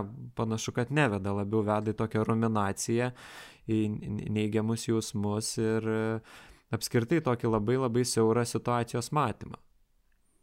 Mm. Man tai pasirodė. Bet aš dabar galvoju, kodėl uh, prisiminiau vieną tekstą, kurį skaičiau, būtent apie, apie žmonės, kurie po insulto patyrė afaziją. Afazija tai yra kalbos sutrikimas, kai pažydžia uh, smegenyse yra dvi sritis - Broka ir Vernikės sritis. E, aš vis pamirštu, kuri yra kuri, bet žodžiu, viena labiau atsakinga už kalbos supratimą ir suvokimą, kiti labiau už kalbos aparato sklandumą. Tai medikai tikrai tą žino ir jeigu dar neurologai, tai dar labiau žino. Bet anyways, kad e, tame tekste buvo rašoma apie moterį visai jauną, pakankamai, kuri patyrusi insultą, va, jos sutriko kalbos visas aparatas, jisai palaipsniui per porą metų jai pavyko pradėti vėl kalbėti, įvyko tas neuroplastiškumas, bet buvo momentas, kur kelis mėnesius jinai iš esmės net neturėjo vidinės kalbos. Tai, tai buvo žiauriai siaubingas momentas jos gyvenime, kur jinai kalbėjo, kad jinai netgi prarado tam tikrą tapatybę savo, savasties jausmą. Tai, tai man atrodo, tam tikrą prasme gali paaiškinti, kodėl, va, taip kaip mes, e, nu, kodėl mums su savim susikalbėti yra daug sunkiau, negu va, pamatyti kitą uh, nesėkmėje, dėl to, kad, nu, kad taip kaip mes kalbam su savim ir tai, ką jaučiam, kad tai yra labai labai didelė mūsų tapatybės dalis. Uh, ir gaunas palatai, aš turiu savo kažkokią tapatybės dalį dabar atskirti, kažkaip diferencijuoti, kas yra šiaip be galo sudėtinga, taip mąstam, nes viskas vyksta tarsi, nu, tose tame pusantro kilogramo, kas yra mūsų kaukolė ir, ir mes viską čia turim atskirti ir, ir tapatinti ir tai labai sudėtinga pačiam žmogui, man atrodo, nes yra toks dalykas kaip tapatumo jausmas, nu, kurį, nu, kuris yra ir, ir ta vidinė kalba, vat, jos praradimas rodo, kad, kad tu gali netekti to ir ta, ta patirtis gazinanti. Tai nežinau, kiek čia mano tas samprotavimas logiškas, gali būti biški nelogiškas, bet, nu, čia tiesiog pamačiau, kodėl taip gali būti sunku, nes, nu, vidinė kalba vis tiek labai su tapatumu mūsų siejasi. Ką jau sunkiausia tikrai pakeisti, tai tapatumą. Nes tai atrodo kažkas, kas jau yra, kažkas tarsi nekintančio. Jo, man atrodo labai geras pavyzdys, kurį tu ištraukiai, nu, apie tai realus pavyzdys, kaip žmogus jaučiasi neturėdamas vidinės kalbos ir tarsi praradęs tapatumą ir tokiam siaube, tokiam visiškam, visiškam neapibrieštume, kur nežinai nei kas aš. Ir čia turbūt vėlgi krenta į tą patį nu, vat, aspektą, kad nu, mums svarbu išlaikyti tą kažkokį savo tapatumą. Man regis mes nerimo epizode, jeigu gerai pamenu, iš ties nepamenu, tik spėju, kad kalbėjom apie tai, kad e, jeigu anksčiau mes nerimaudavom dėl savo fizinio išlikimo, tai dabar dėl savo tapatumo ir dėl tų vertybių, kurios palaiko mūsų tapatumą labiausiai nerimaujam. Ir čia yra tas pavyzdys irgi kartu apie tai, kad žmogui labai svarbu, gyvybiškai būtina turėti koncepciją apie save, nes kitaip, nu, vat, psichikos sveikatos saugikliai eina šaibom, jeigu tai primityviai tariant. Ta prasme, kad žmogus yra visiškam siaube, neapibrieštume nerime ir nėra jokių tame orientyrų, visiškame rūke, besoriai būklėje. Ir svarbu ta kažkokia, nu, vat, vidinės koncepcijos, kažkokios tvarkos dalis žmogui, kad jis galėtų išgyventi. Ir čia yra tada tas momentas, jeigu taip galvojam, iš šitos, iš šitos konteksto, tai tada e, ateina man mintis apie tai, kad nu tada ypatingai didelę vertę ir reikšmę turi tai, ką mes patys savo sakom. Apie tą vidinę kalbą ir vidinį dialogą, kurį, apie kurį mes kalbamės čia nais, nes nu, kažkuria prasme, nu čia postmodernizmo filosofija didelė dalimi yra apie tai, kad mes ir egzistuojame didelė dalimi žodžiuose. Žinoma, tai yra supaprastimas, tai yra išskirimas vieno elemento, bet mes tą ir darom. Dabar vieną elementą ištraukiam žmogaus psichinio gyvenimo, tai yra vidinis dialogas. Ir kad taip kaip mes apibrėžiame save kalboje žodžiais, tai kažkuria prasme tai ir padaro mus tuo, kuo mes esame. Franklis yra pasakęs labai gražiai, kad e, kas yra žmogus kai jo paklausė. Jis sako, žmogus yra būtybė visada nusprendžianti, kas jį yra. Ir tai yra ta gili mintis, kad mes ne tik tai esame patiriantys pasaulį, bet mes ir ankstyviai pasaulį konstruojančios būtybės esame. Ir tas visas subjektivus determinizmas ir dėl ko psichologija labai negali veikti mechanistiniais principais ir kažkaip nuprognozuoti žmonių elgsenos ar ten kažkokių paternų ir dėl ko neurologinių tyrimų rezultatai yra riboti, nes visą laiką yra tas subjektivus momentas, tai ką žmogus pats nusprendžia apie save. Koks jis? Kas jis yra, kaip jisai pats mato save, o šito suprognozuoti neįmanoma. Nu, kaip neįmanoma, turbūt galim kažkokius apčiuopiamus paternus matyti, tą įvairios psichoterapinės paradigmos ir, ir daro, bet iki galo tvirtai pasakyti tai ne. Ir čia yra ta mintis, kuria remiasi visa psichoterapija ir iš esmės psichologo kabinete, jeigu taip supaprastintai, kas vyksta, tai žmogus patenka į terpę, kur vystomas konstruktyvesnis dialogas apie save labiau priimantis, toks labiau gryninamas, kur tapatybė labiau iškėja, kas aš, kas yra mano duota, ką aš galiu pasirinkti, ką aš galiu, ko negaliu, kas yra mano kaip likimo dalis. Ir, ir čia aš to nepakeisiu ir man belieka kurti kitokį santykį su tuo, o kas yra tai tie dalykai, kur aš matau, kad aš galiu keisti ir galiu kažką padaryti su tuo. Nu, tas vidinis žemėlapis jis ryškėja, kas yra žmogui itin svarbu.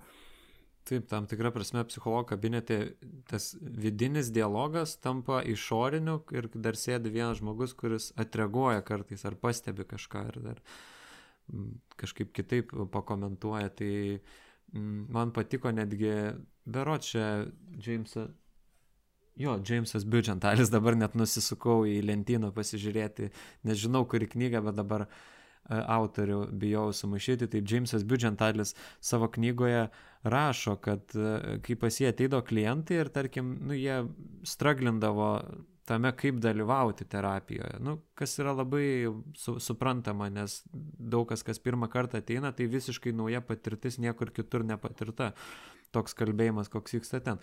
Tai jisai tiesiog siūlydavo, tai pabandyk tiesiog garsiai mąstyti.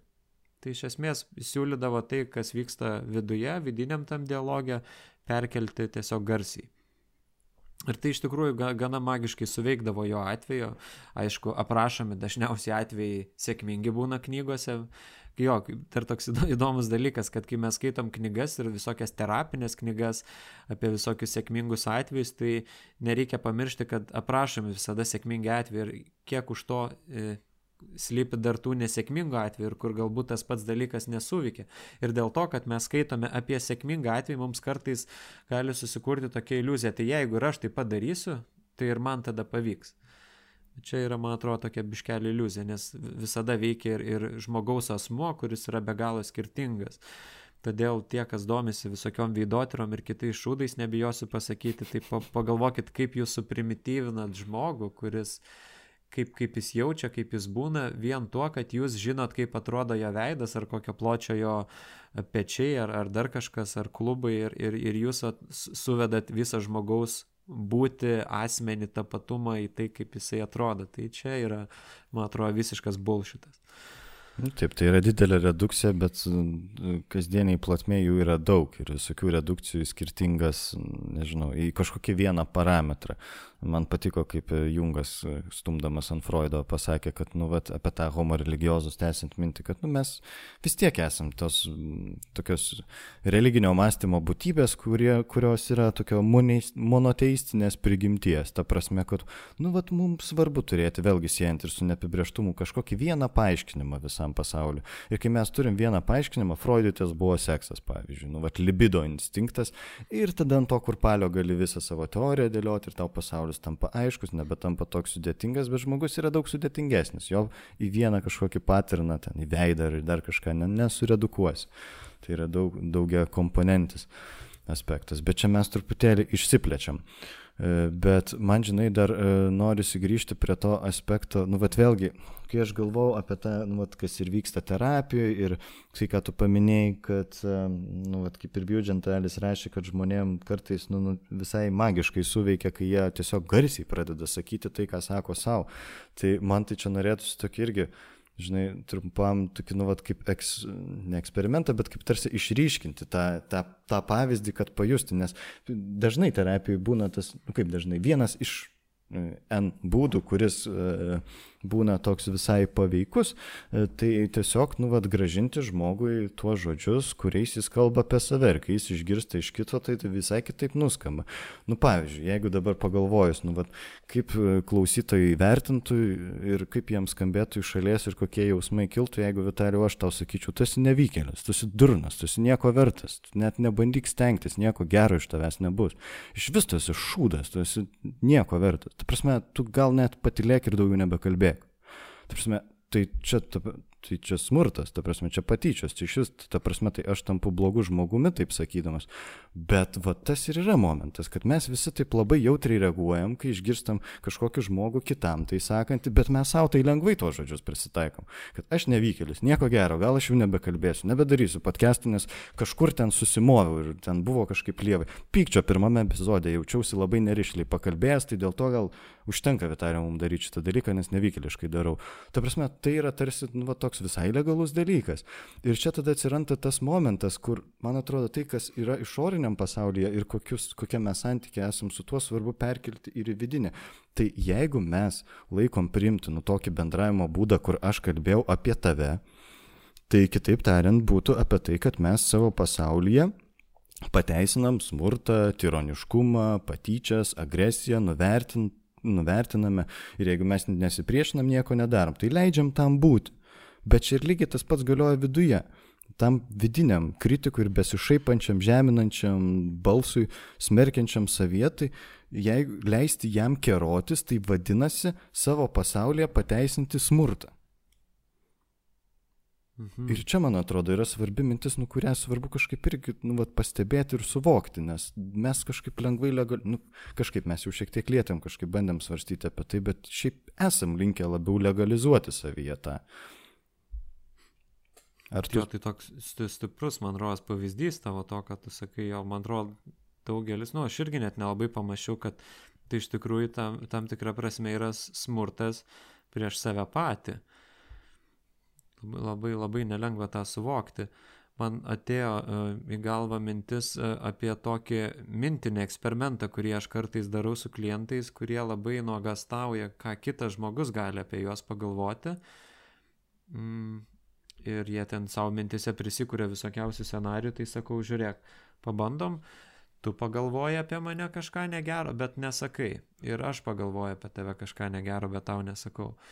E, tai man paprastai e, būna nesunku tą padaryti, nes e, aš, aš žinau, kaip tai veikia ir kad čia ne, niekam nebus jokios didelės žalos, bet kai kurie klientai labai išsigasta to momento.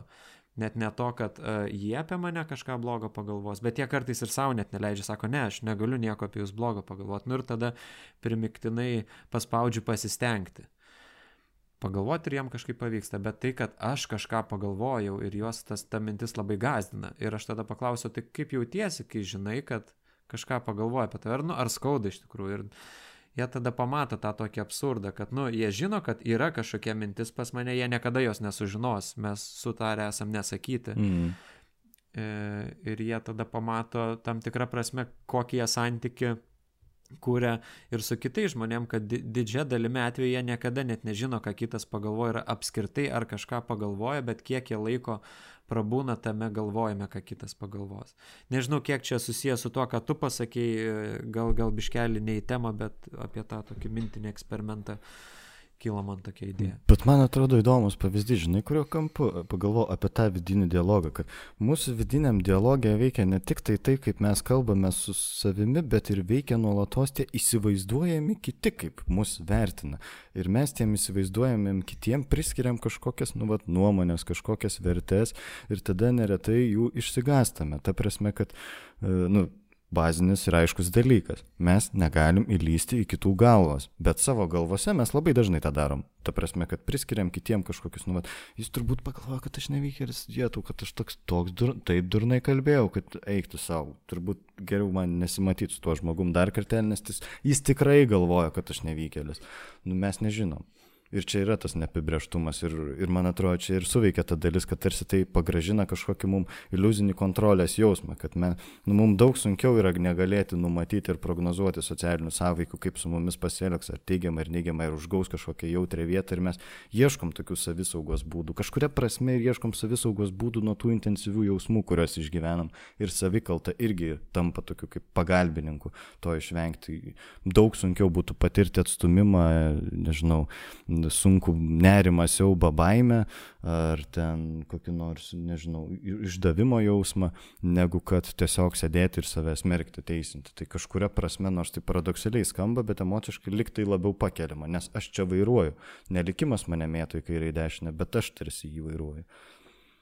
Taip, ir čia pri, prisimenu tada visada Perlsą, kuris sakė, kad neurotikas tas, kuris kenčia vaizduotė, tikrai nekartą minėjau šitą ir, ir vaizduotės dalis yra ir tas vidinis balsas, nes jisai uh, tuos scenarius, kaip sakyti, jisai rašo tekstus tiem scenarijom visiems įsivaizduojamam. Tai, o scenaristus mes žinome, galime atleisti arba sakyti, kad netinka šitoks scenarius, nepatinka man šitas dialogas, kurį sukūrėjai dabar.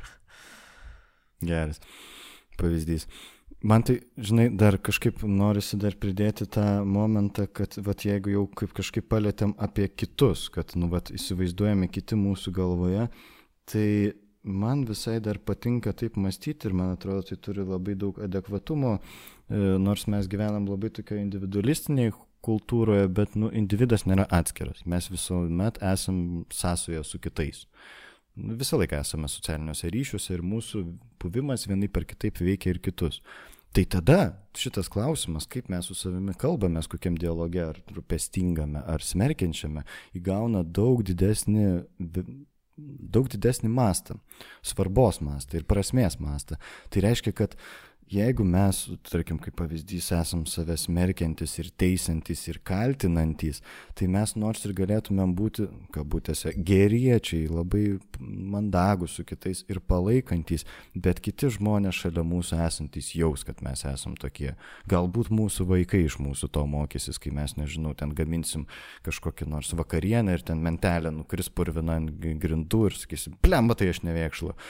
Ir vaikai tą girdės, ir vaikai tą išmoks. Čia toks nu, primityvus pavyzdys apie vaikus, bet kiti žmonės aplink mus esantis tai jaučia ir kitus tai veikia. Ir jeigu mes savęs merkiam, nesirūpinam, tai nu, vienas iš galimų e, variantų, kad vėliau gyvenimo pabaigoje mes gyvensim nu, labai sielvarto ir, ir, ir nevilties pilną gyvenimą, kurį matys aplinkiniai aplink mus. Ir kažkuria prasme, jeigu taip čia tokia transcendentiškai žiūrėt vos ne, kad mes tada dauginsime tokios beprasmybės ir kančios pojūtį kitose žmonėse.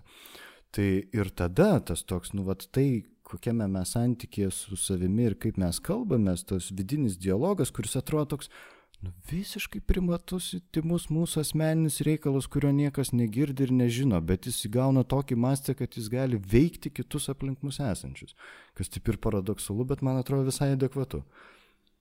Mhm man atrodo, kad kai mes kalbam apie tuos visus nuvertinimus, tai vis tiek gali daug žmonių susidaryti įspūdį, kad mes čia niekur toliau nejudam negu tas vidinis kritikas, kad, nu, bet reikia suvokti, kad vidinis dialogas tai nėra tik vidinis kritikas, kad vidinis kritikas tik yra viena jo dalis, bet mes vidinėme dialoge ne tik uh, kažkaip pozityviai arba negatyviai kalbam apie kažką, bet kartais tai tiesiog eina tam tikra, nu, tam tikras ir faktų konstatavimas, įvykių matymas, interpretacijos visokios, kad tai yra daug plačiau už tą vidinį kritiką ir man dėl to noris paminėti šiek tiek sporto psichologijos kontekstą, kuriame um, tas kalbėjimas su savimi, self-talk angliškai, yra tyrinėtas gal net labiausiai iš visų psichologijos ryčių, dėl to, kad uh, labai palanku tyrinėti sportininkus, nes jie ir šiaip daro daug tokių veiklų, kur kalbėjimas su savimi uh, gali būti labai produktyvus. Ir e,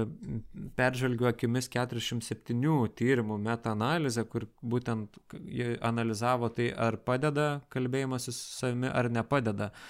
Tai e, parodė, kad padeda ir padeda ne tik pozityvus, bet dar jie išskiria tokį kaip instruktuojantį kalbėjimą su savimi bei motivuojantį vidinį dialogą. Tai čia vat, mes matom, kad e, prasiplečia tasai laukas, kaip galima kalbėti su savimi, nes ne tik galim už kažką girti save ar pozityviai nuteikinėti, bet kad e, gali būti ir naudą duodantis, instruktuojantis e, vidinis dialogas ir tai, tai yra tikrai naudinga, kai mes kalbame apie kažkokį procesą arba veiksmų atlikimą nes kai mes kalbam pozityviai arba negatyviai, mes dažnai kalbame jau apie kažkokią pasiekmę arba į tai, kas įvyko, ar galbūt dar įvyks, tai yra mes atliekame vertinamą.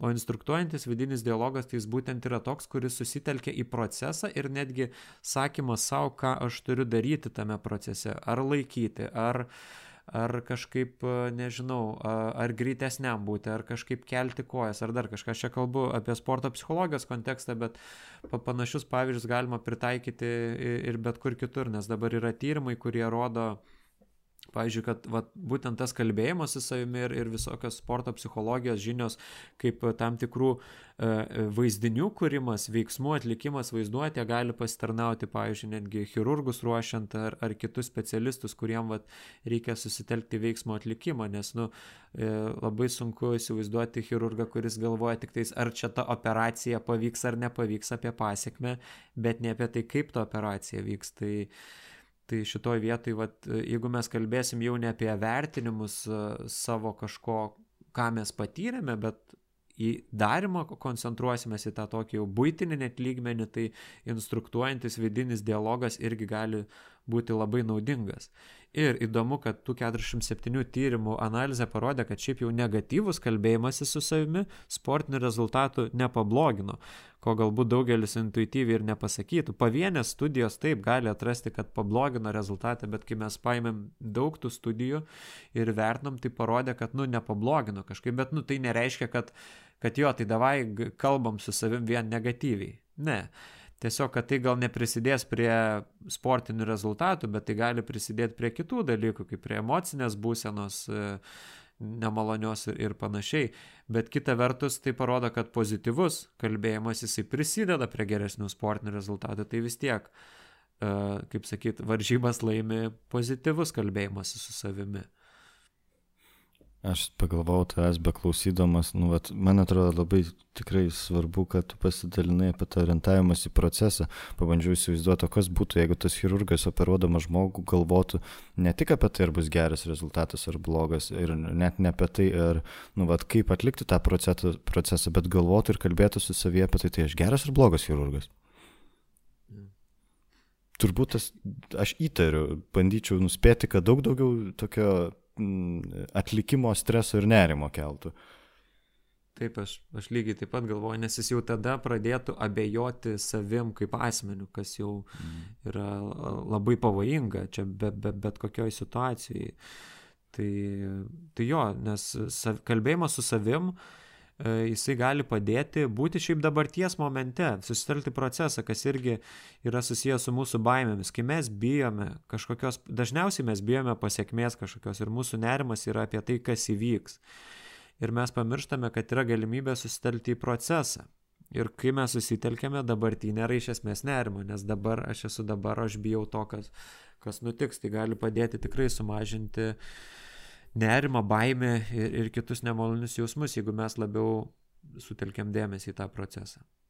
O šiaip tu turi pavyzdį, kur pavyzdžiui, kaip nors, nežinau, abejojimas savimi ar dar kaip nors, kad atsidūri kažkokioje situacijoje, kur vat, tu pradėjai kažkokiu kitu būdu kalbėti su savimi ir tau tai padėjo kažkaip išbūti. Vat.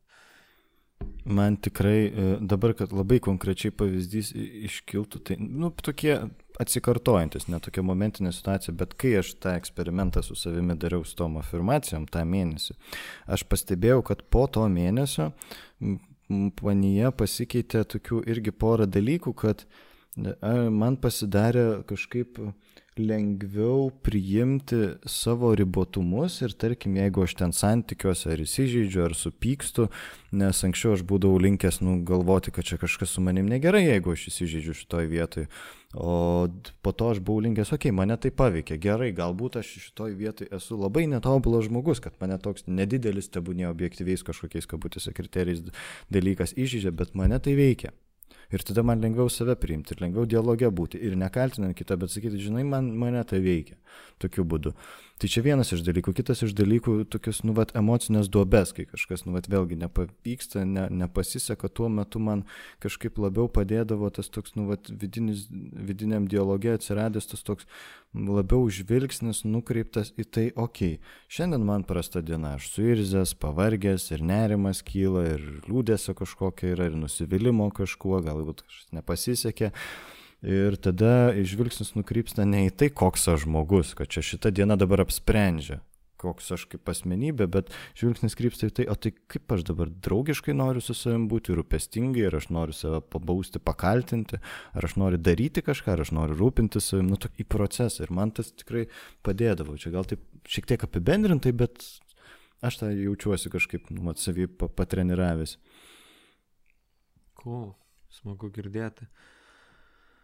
Tai va, aš paklausiu to, nes aš prisiminiau vieną momentą, kur atgrinai, va, to sporto psichologijos kontekste man pavyko išvengti susitelkimo į pasiekmę, kas jau beveik buvo mane palaužę, kai aš varžybose buvau užsitikrinęs sidabro medalį, tai yra finalas, niekad nebuvau vicečempionu ir, ir dar mačiau, kad gaunu biški malku. Uh, Ir aš jau galvojau, kaip man mauna tą sidabro medalį, bet tada nusprendžiau, kad palauk, pradėjau su savim kitaip šnekėti. Tai labai keistai atrodo, bet iš tikrųjų, bevyk, bevykstant kovai, aš vedžiau vidinį, vidinį dialogą su savimi, kad palauk, tai dabar pabandom nepasiduoti. Ir pradėjau visokius žodžius, tokius gana banalius savo kartoti, kad būnam, liekam, e, nepasiduodam ir panašiai. Ir, nu, žingsnis po žingsnio man kažkaip pavyko. E, ir, ir, ir, ir aš tada laimėjau, tai čia toks vat, paprastas pavyzdys, kaip išvengti to susitelkimo į pasiekmę. Ir, ir čia ne tik mano pavyzdys, aš esu ir, ir kalbėjęs su, su kolegom iš sporto, kur, kur pažiūrėjau, jau irgi mažasis finalas, e, e, bronzos medalis. Tai, tai yra, žodžiu, karate buvo taip, kad būdavo du bronzos medaliai. Kad e, kad, žodžiu, tu pralaimi ir tu gauni bronzą, jeigu tu laimi, tu išeini finalą, kad, žodžiu, nevyksta mažo finalo, bet būna du bronzos medaliai. Tai, žodžiu, žmogus jau užsitikrinęs bronzos medalį, e, apie tai visą laiką galvoja, kad jis jau užsitikrino medalį ir, nu, iš esmės dėl to pralaimėjo finalą. Ne, ne finalą, tą e, kovą dėl patekimo į finalą, kuris būtų užtikrinęs jau sidabro mažiausiai medalį. Tai, Tai čia pavyzdžiai iš sporto, bet tikrai, manau, galima rasti ne vieną pavyzdį ir, ir gyvenime, kur vat, kažkoks susitelkimas į kažkokią pasiekmę žmogus sustabdė kokybiškai dalyvauti tame procese. Nes netgi ap, trumpai labai, net apie seksą galima galvoti žmonės, kurie nėra patenkinti savo seksualinę patirtimą ar ne, tai jie kartai susitelkia į tai, kas bus bet ne į tai, kas vyksta čia ir dabar. Tai, tai, nu, tai labai pritaikoma iš tikrųjų. Aha, ir dar labai į tai, kaip kitas tai priims ir kaip aš čia performinsiu, o ne į tai, kas, kas būtų gerai, įdomu ir ten panašiai tiesiog procesas. Jo, geras pavyzdys apie tai. Uh, norėjau įsiterpti per tai, kad, nu, vat, tai, kad tu daliniesi apie tą susitelkimą į rezultatą ir susitelkimą į procesą, Bijau pasakyti neteisingai vardą pavardę, bet Patreon mūsų platformoje dalinausi e, nuorodą į, į, į šitos mokslininkės e, turinį. Tai yra Karol Dweck, man regis, jeigu neklystu, berot Stanfordo universiteto profesorė psichologijos, kuri daug metų tyrinėja perfekcionizmą ir jinai yra parašiusi įdomią knygą Mindset, kuri ten prierašų ten turi dar visokių. Ir jinai labai daug tyrinėja būtent šitos du skirtingus mindsetus, kai mes, e, nu, bet, kad vieni žmonės yra linkę susitelkti į procesą, kiti žmonės yra, sus, yra linkę susitelkti į rezultatą. Ir tie, kurie žmonės tie, kurie susitelkia labiau į rezultatą, jiems gyvenimas tarsi tampa kaip egzaminas, kur kiekviena situacija, kurioje mes dalyvaujame, tada tampa tokiu iššūkiu, kuri, kuriame sprendžiasi tai, kas aš per žmogus, ar aš geras, ar aš blogas žmogus. Ir natūralu, kad tada daug didesnis streso lygis, daug didesnis nerimo lygis, daug dažnesnė tikimybė nusivilti savo pasiekimais ir nesiekti kažko. Ir jinai daug tyrimų yra pridarius ir su mokiniais, ir man regis, ir su sportininkais. Ir, ir tikrai įdomus, įdomus jos atradimai ir pamastymai apie tai, o kai mes susitelkę esame į procesą, tai tada mes orientuoti į mokymasi. Tai, tai kaip ten, nežinau, nežinau, man seksis bendrauti su kitu žmogumi, arba taip kaip aš ten, ar nubėgsiu ar nenubėgsiu, ten, arba, va, tarkim, kaip sudalyvausiu karate varžybose, tai nelemia tai, koks aš esu žmogus, bet tai rodo mano pasiekimus, kiek aš pasiekiau ir rodo mano ribotumus, kur aš dar turiu šansų tobulėti. Ir šitas mindsetas daug labiau padeda siekti pasiekimų. Ir jinai ten įdomiai dar buvo tas momentas, kadangi jinai ilgą laiką tyrinėja, tai jinai buvo, kad ten mokyklinio amžiaus žmonės vat, kažkaip ištestavo ir tada ten e, žiūrėjo, kurie kaip ir ten po kažkiek metų, nemažai dešimties, penkiolikos irgi tyrinėjo, kaip tų žmonių gyvenimai e, klostėsi. Tai ir akivaizdu buvo, kad daug sklandžiau klostėsi, nu, vat, akademinė prasme, pasiekimų prasme gyvenimai tų, kurie turėjo tą polinkį orientuotis į procesą, o ne į rezultatą. Tie, kurie orientuojasi į rezultatą, labiau ten save tada smerkia ir vat, šitą mūsų podcast'o temą labiau su savimi ten viduje kalbasi visai tokiom absoliučiom kategorijom ir nuvertinančiom. Jo, tai man atrodo tikrai jos geros įžvalgos ir ne tik jos, nes ne, ne vienas tyrimas turbūt yra tai parodęs ir ypač, nu, gal tyrimais netgi sunku taip įrodyti, bet uh, praktika tiesiog tą rodo, kad kaip, kaip žmogus uh, būna tame, kai jisai galvoja apie pasiekmę ir kaip jisai, kai jis galvoja apie procesą ir tikrai netgi ir, ir laimės jausmas gali būti didesnis, kai aš telkiuosi procesą. Nes, nes jeigu aš telkiuosi tik į rezultatą, tai klausimas, uh, ar man patinka tada procesas, nes procesas užima daugiau laiko nei rezultatas, tai tada klausimas, kam daryti kažką, kieno procesas man nepatinka. Nes mums kultūra mūsų sako, būk sėkmingu ir visur, kur žydėk ir būk Instagramo pažyba. Nemanai, kad tai veikia? Manau, kad kažkiek veikia klausimas, ko, kokiu laipsniu ir, ir, ir kokiems žmonėms, nes ir, yra žmonių, kurie visai nedalyvauja tuose socialiniuose tinkluose, bet kažkaip uh, irgi su tuo susiduria. Jo, bet žinai, aš manau, kad ne tik tai patys socialiniai tinklai, nes tai yra ir medija, nors ir jie prisideda prie to. Kita vertus, kažkaip, kai aš mačiau irgi apie tą klausimą, kodėl mes linkę save kaltinti, tai Man patiko, aš nesakysiu, kas taip sakė, nes galbūt jis nenorės, bet aš vieną tokio patyrusio terapeutą paklausiu, nu, vat kaip tu manai, dėl ko žmogus yra linkęs kaltinti save. Jis sako, savęs plakimas kyla dažniausiai ir nuvertinimas iš puikybės. Sako, joks kuklus žmogus savęs neplaks už tai, koks jis esas. Ir man taip, o va, geras, o tai kaip čia, kaip čia. Tai sako, nu vad žmogus dažniausiai save plaka žmonės tie, kurie turi labai didelius norus savo, vad labai nori būti dideli kažkokie ypatingi ir panašiai. Ir tai yra tam tikra puikybė. Ir tada aš pagalvojau, kad blemba, taigi kažkuria prasme mes gyvenam tokioje epochoje. Aš pagalvojau apie tuos e, kūrinius, kur ten, aš neatsimenu dabar, kurio lietuvių ten apsakymas buvo apie kažkokį ten, ar ten Vingijonas, ar kas ten toks, nežinau, bet kuris visi, žodžiu, dirbo įprastai ten savo darbus ir jis ten sėdėdavo ant kalvos ir mąstydavo kažkaip apie gyvenimą. Nu, tai aš pagalvojau tokioje kultūroje, nežinau, šimto metų atgal, bet čia tokia prielaida.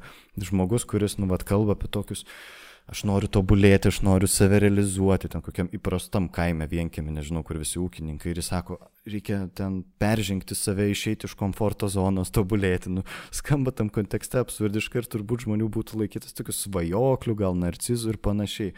Dabartinėje epochoje tai yra kultūrinė norma net priešingai tai išvirsta, kad jeigu tu netobulėjai, jeigu tu savęs neugdai, jeigu ten ne, ne, netampi kiekvieną dieną vis geresniu žmogumi ir kiekvieną dieną neįkuri naujo verslo, tai esi nevykėlis ir kažkoks apsileidėlis, nu kažkas su tavim negerai, tu nedalyvauji visam šitam masiniam kultūrinėme procese kažkaip ir tada kažkas apie tave yra negero. Ir čia irgi tada atsiranda labai daug vietos tokiai saviplakai, nes tarsi šio laikinė kultūra mūsų angažuoja, nu nežinau, galbūt mūsų amžiaus grupė labiau ir jaunesnius, gal vyresnius ne taip, bet angažuoja tokiam, nu, vat, tarsi įpareigojimui būti nuolat vis kažkokią didesnę savo versiją, kažkokiu ypatingu asmeniu, kuris žibėtų.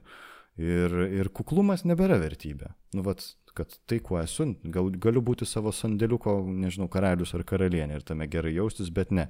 Geriau būsiu ubagas, nežinau, ten ministerijoje ar dar kur nors, bet, bet ne karaliumi savo sandėliuke, nes tai yra kažkoks labai jau nu, kultūriškai nepriimtinas dalykas. Aha, geras, labai įdomi ta linija su puikybė ir saviplaka, kažkaip ne, nebuvau pagalvojęs apie tai, tai tikrai tokia mintis, kuri priverstų susimastyti. Ir galvoju, jau mums reikėtų keliauti prie klausimų, nes visai nemažai jau kalbėjom čia, o klausimų turim irgi nemažai, tai aš tada perskaitysiu gedai pirmą klausimą iš šito mūsų podcast'o temos. Tai e, klausytoja Henrika rašo, ar samoningumo praktikos padeda savikalbos raidai, ar gali būti kardinalių pokyčių? Aš būčiau linkęs atsakyti, kad samoningumo praktikos tikrai e, kažkiek padeda ir apskritai turbūt pats, nu, vat, buvimo psichoterapijoje vienas iš tokių, sakykime, šalutinių, o gal net tiesioginių reiškinių yra tas, kad žmogus palaipsniui vis geriau reflektuoja tai, kas jame vyksta. Tai, tai turbūt ir apima tą vidinį dialogą, kad e, geriau save reflektuojant, labiau stebint, kas mumise vykstant, vyksta ir kreipiant į tai dėmesį, mes turim didesnės galimybės pastebėti tos, tarkim, automatinius minčių traukinius ir kartais e, atrasti laisvės ir juos pristabdyti ar pakeisti kitą, e, kitą linkmę. Kardinalūs pokyčiai turbūt gal, gal ir neaišku, kas tie kardinalūs pokyčiai, iš tikrųjų, ką, ką čia vadinama kardinaliais pokyčiais, bet aš manau, kad visai didelių pokyčių galima pasiekti, tik tai kartais nu, nemanau, kad kardinalūs ir dideli pokyčiai ateina šiaip greitai. Tai mano galbūt toks būtų sureagavimas, ką tu manai. Mhm. Kai klausiau tavęs, jaučiau, kad būčiau labai panašiai žodžiais atsakęs, nes kaip tik irgi norėjau apie samoningumo didinimo psichoterapiją kalbėti, tai gal nesikartosiu ir tiesiog pasakysiu, kad E, labai sutinku su to, ką pasakėjai ir, ir manau, kad irgi pokyčiai yra tikrai įmanomi, dėl kardinalių pokyčių ne, nesu tikras, nes tikrai reiktų tada apsibriežti, kas yra tie kardinalūs pokyčiai, o manau, kad tos jau įvairios samoningumo praktikos gali padėti. Tai ta pati psichoterapija plačiaja prasme irgi yra tam tikra samoningumo praktika, nes iš pasąmonės turinio mes arba tai, kas mums tik dalinai sąmoninga reflektuojama, mes paverčiam kažkuo labiau suprantamu, pastebimu, o ten visokie mindfulness ir kiti dalykai irgi gali turėti savo naudos. Bet jeigu mes kalbam apie kalbėjimą su savim, tai turbūt esmė yra sekti tą turinį, ką mes kalbam ir man atrodo prie, ši, prie šitos samoningumo praktikos dar labai naudingas pratimas yra rašymas. Rašymas to, kaip aš galvoju ir ką aš mastau ir netgi dienorašio rašymas tam tikrais žodžiais apibūdint, kas įvyko ir, ir paskui galima paskaityti ir matyti, kaip tu matei tada, kaip tu galbūt dabar matytum. Žodžiu, tokios idėjos kilo. Jo, man patiko šitas pavyzdys apie rašymą, kad tu gali tada taip tarsi eksternalizuoti, patalpinti išorę savo mąstymo procesą, ypatingai jeigu laisvų rašymų rašai, tai yra tiesiog minčių seka greitai rašai, kas ateina į galvą, tada gali pasižiūrėti tarsi iš šalies. Tai sutinku su tavimi, kad šitas įgūdis tikrai gali padėti tam. O dėl kardinalių pokyčių tu berots nesureagavai, kaip tu manai, kiek stipriai galima tai pakeisti? Nežinau, aš, man labai sunku pasakyti, kiek stipriai aš, aš esu įsitikinęs, kad galima pakeisti, bet kiek stipriai tai vėlgi, man tai, kad tu pasakai, kad apsibriežti, kas yra tas kardinalus pokytis, ar tai, kad iš esmės žmogaus mąstymas pasikeis, kad jeigu jisai mąstė neigiamai, tai mąstys vien teigiamai, tai manau, kad ne, bet reikšmingi pokyčiai tikrai gali vykti. Nes čia vis tiek yra tam tikros tendencijos žmogaus, jeigu žmogus e, yra, nežinau, e, ekstravertas, tai jisai nu, netaps e, staiga introvertu. Tai man atrodo, kad ir, ir su žmogaus mąstymu, kad jis gali keistis, bet tai nu, nebus nuo, nuo nulio pakeistas tas mąstymas. Kažkiek to mąstymo išliks, nes mūsų mąstymai įtakoja ir, ir mūsų patirtis, ir santykiai su kitais žmonėm. Tai man atrodo, kad kad visiškai, visiškai kardinalus pokyčio aš gal nebūčiau didelis fanas. Mhm. Man tai galbūt, žinai, visai galvojusi per tą prizmę, kai tu dalinaisi apie tokį, nu, vat, kad vidinis dialogas padeda E, labiau toje srityje santykio su tuo, kas vyksta tavyje. Tai aš manau, kad santykiai su tuo, kas vyksta mumise, visai galima atrasti alternatyvų ir tame pakeisti dramatiškų pokyčių, bet nu, Gediminas netaps ne Gediminu, Vitalius netaps ne Vitaliu. Mes vis tiek liktumėm tie patys žmonės, kad ir kiek terapijos lankytumėm, galbūt atrastumėm kitokį santykių su tais dalykais. Tai aš kažkaip taip visai mąstyčiau. Okay. Linksi Vitalijus pritariu. Jo, jo Gerai. manau, kad, manau, kad sutinku. Gerai, važiuojam toliau. Virgilijaus klausimas. E, iš kur, kaip apskritai kyla mintys? Ir ką manote apie dvasinės praktikas, pavyzdžiui, Vipasana, Zen yoga, kurios siekia proto nurimdymo, sąmonės išvalymo, savotiškai sustabdyti minčių srautą? Mhm, tai mintis kyla iš smegenų, taip trumpai galėčiau atsakyti. E, kol kas mokslas taip yra atsakęs, bet jeigu ga, galima čia žiūrėti turbūt į, į dvi šitos problem, nu, problemos, ne problemos, priz, prizmės, tai yra, galima sakyti, iš sielos, tai tai, kas yra sąmonė ir siela, kaip mes pavadinsim, ar ne, galima sakyti, kad išpliko kažkokio biologinio neurolo, neu, neuroaktyvumo smegenų. Ir, bet vis tiek viskas vyksta smegenyse ir, ir, ir ta rodo, kad pažeistos smegenų sritis uh, E, vat, ką aš ir minėjau apie tą insulto pavyzdį, kad pažeidus tam tikras smegenų sritis gali sutrikti ir vidinė kalba. Tai, tai rodo, kad tai kyla iš smegenų, bet šitas klausimas yra kol kas, man rosi, iki galo neatsakym, neatsakomas kas vat sugeneruoja tą nulinę mintį, ar ne? Mes žinom, kad kai žmogus masto, ten vyksta elektrinis aktyvumas, bet vat kaip vat atsiranda vat ta mintis, kurią aš norėčiau, kad atsirastų, tai iš tikrųjų čia man ros dar yra mokslo mislė. Uh, Tai iki galo, iki galo labai sunku atsakyti. Šiaip prisiminiau e, tokį pavyzdį, vat, čia gal ne visai e, būtų atsakymas į Virgilijos klausimą, bet apie tą vidinę kalbą. Tai toksai buvo baltarusių kilmės e, psichologas Levas Vigotskis, jisai tarpu kariu dirbo, jisai gana jaunas mirė ir jisai tik tais vat, po kelių dešimčių metų ir vat, pastaraisiais kokius pastaraisiais dviem dešimtmečiais jis yra iš naujo atrandamas ir jisai ten kalbėjo, kad e, vėliau tą Žanas Piežėja ėmė tyrinėti apie privačią kalbą. Nu čia toks tiesioginis vertimas private speech vadinasi. Tai yra, kad vaikai, kai tai pradeda kalbėti iki maždaug septyniarių metų amžiaus, jie kalba ir komentuoja tai, kas vyksta, bet tas komentavimas neskirtas niekam. Net jeigu yra žmonių aplinkui, tai yra skirta jam pačiam.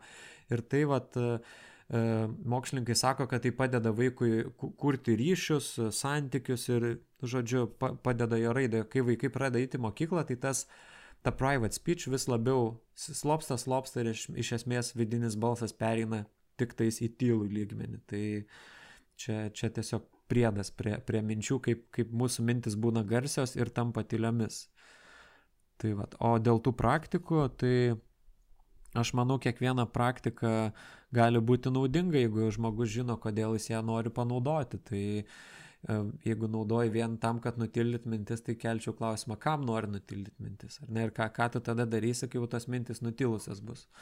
Tai aš to, tokį labai provokuojantį klausimą užduočiau. Bet aš nesu niekaip prieš zen budizmo ir, ir tas kitas įvardintas praktikas. Man atrodo, jos yra geros.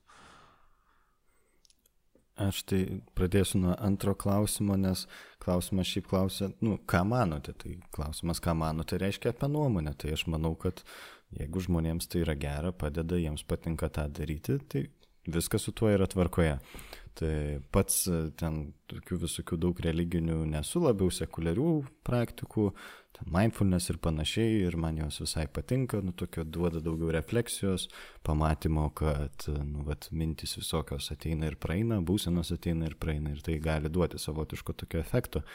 A, į pirmą klausimą, iš kur apskritai ir kaip kyla mintis, tai m, man patinka tavo pavyzdys, kurį tu ištraukai su tuo neurotyrimu, kad sužalota e, smegenų sritis susijusi su kalba, nuduoda tokį tarsi bemintinį buvimo būdą, bet ne visai norisi man sutikti su tavo tokiu teiginiu, kad mintys kyla iš smegenų, e, nes čia klausimas iškiltų, bet čia jau filosofija apskritai, kas yra mintis, nes egzistuoja moksle tas e, kietoji sąmonės problema, kur mes negalime minties atitikmens atitikti fiziologiją. Aptikti tiksliau, kad, nu, vat, pavyzdžiui, jeigu aš sakau žodį ten, tarkim, labas, arba sakau žodį ten koks nors pomidorų padažas ir kad ten skirtingi kažkaip neuronai veikia. Nėra visiškai to tokio pilno atitikmens. Yra visokių ten kalbos teorijų, kurios ten bando atrasti, kaip ten mūsų neuroniniai tinklai ten kalbo, kalbai vystantis siejas ir panašiai, bet tai yra turbūt vis dar per sudėtingas klausimas. Ir čia turbūt kiltų klausimas apskritai, minties apibrėžimo, kas yra mintis. Klausimas, ar tas žmogus, kuris patyrė tuos kalbut, kalbos centrų sužeidimus, ar nebuvo taip, kad jis nemastė kokiais nors vaizdiniais. Ir ar vaizdinys tada yra mintis, ar tik tai mes girdėdami savo galvoje žodžius, tai yra verbalinį turinį, ar mes tik tai galime laikyti mintimi, ar mintis gali būti ir kažkoks, nu, vat, grįžtantis prisiminimas, kažkoks daugiau nu, vaizdinis, garsinis, kvapo, nu, kitų pojūčių pavydalu ateinantys dalykai. Nes man atrodo, kai mes prisimenam kažkokį prisiminimą ir negirdim tame jokio, jokio tekstinio turinio, verbalinio, tiesiog matom situaciją, kaip, ne, nežinau, vaikystėje mes rogutėm čiaužinėjom, tame gali nebūti jokio, jokio, jokių žodžių, bet mes kaip ir turim mintį, mintis tampa tuo vaizdiniu. Tai čia toks gal šiaip pamastymas ir tada aš būčiau linkęs, ta prasme, man tiesiog, jeigu taip labai paprastai atsakant, tai aš neįsivaizduoju, iš kur ir kaip kyla mintis, jos kažkaip atsiranda sąmonėje, o kaip tai neturiu žalio supratimo.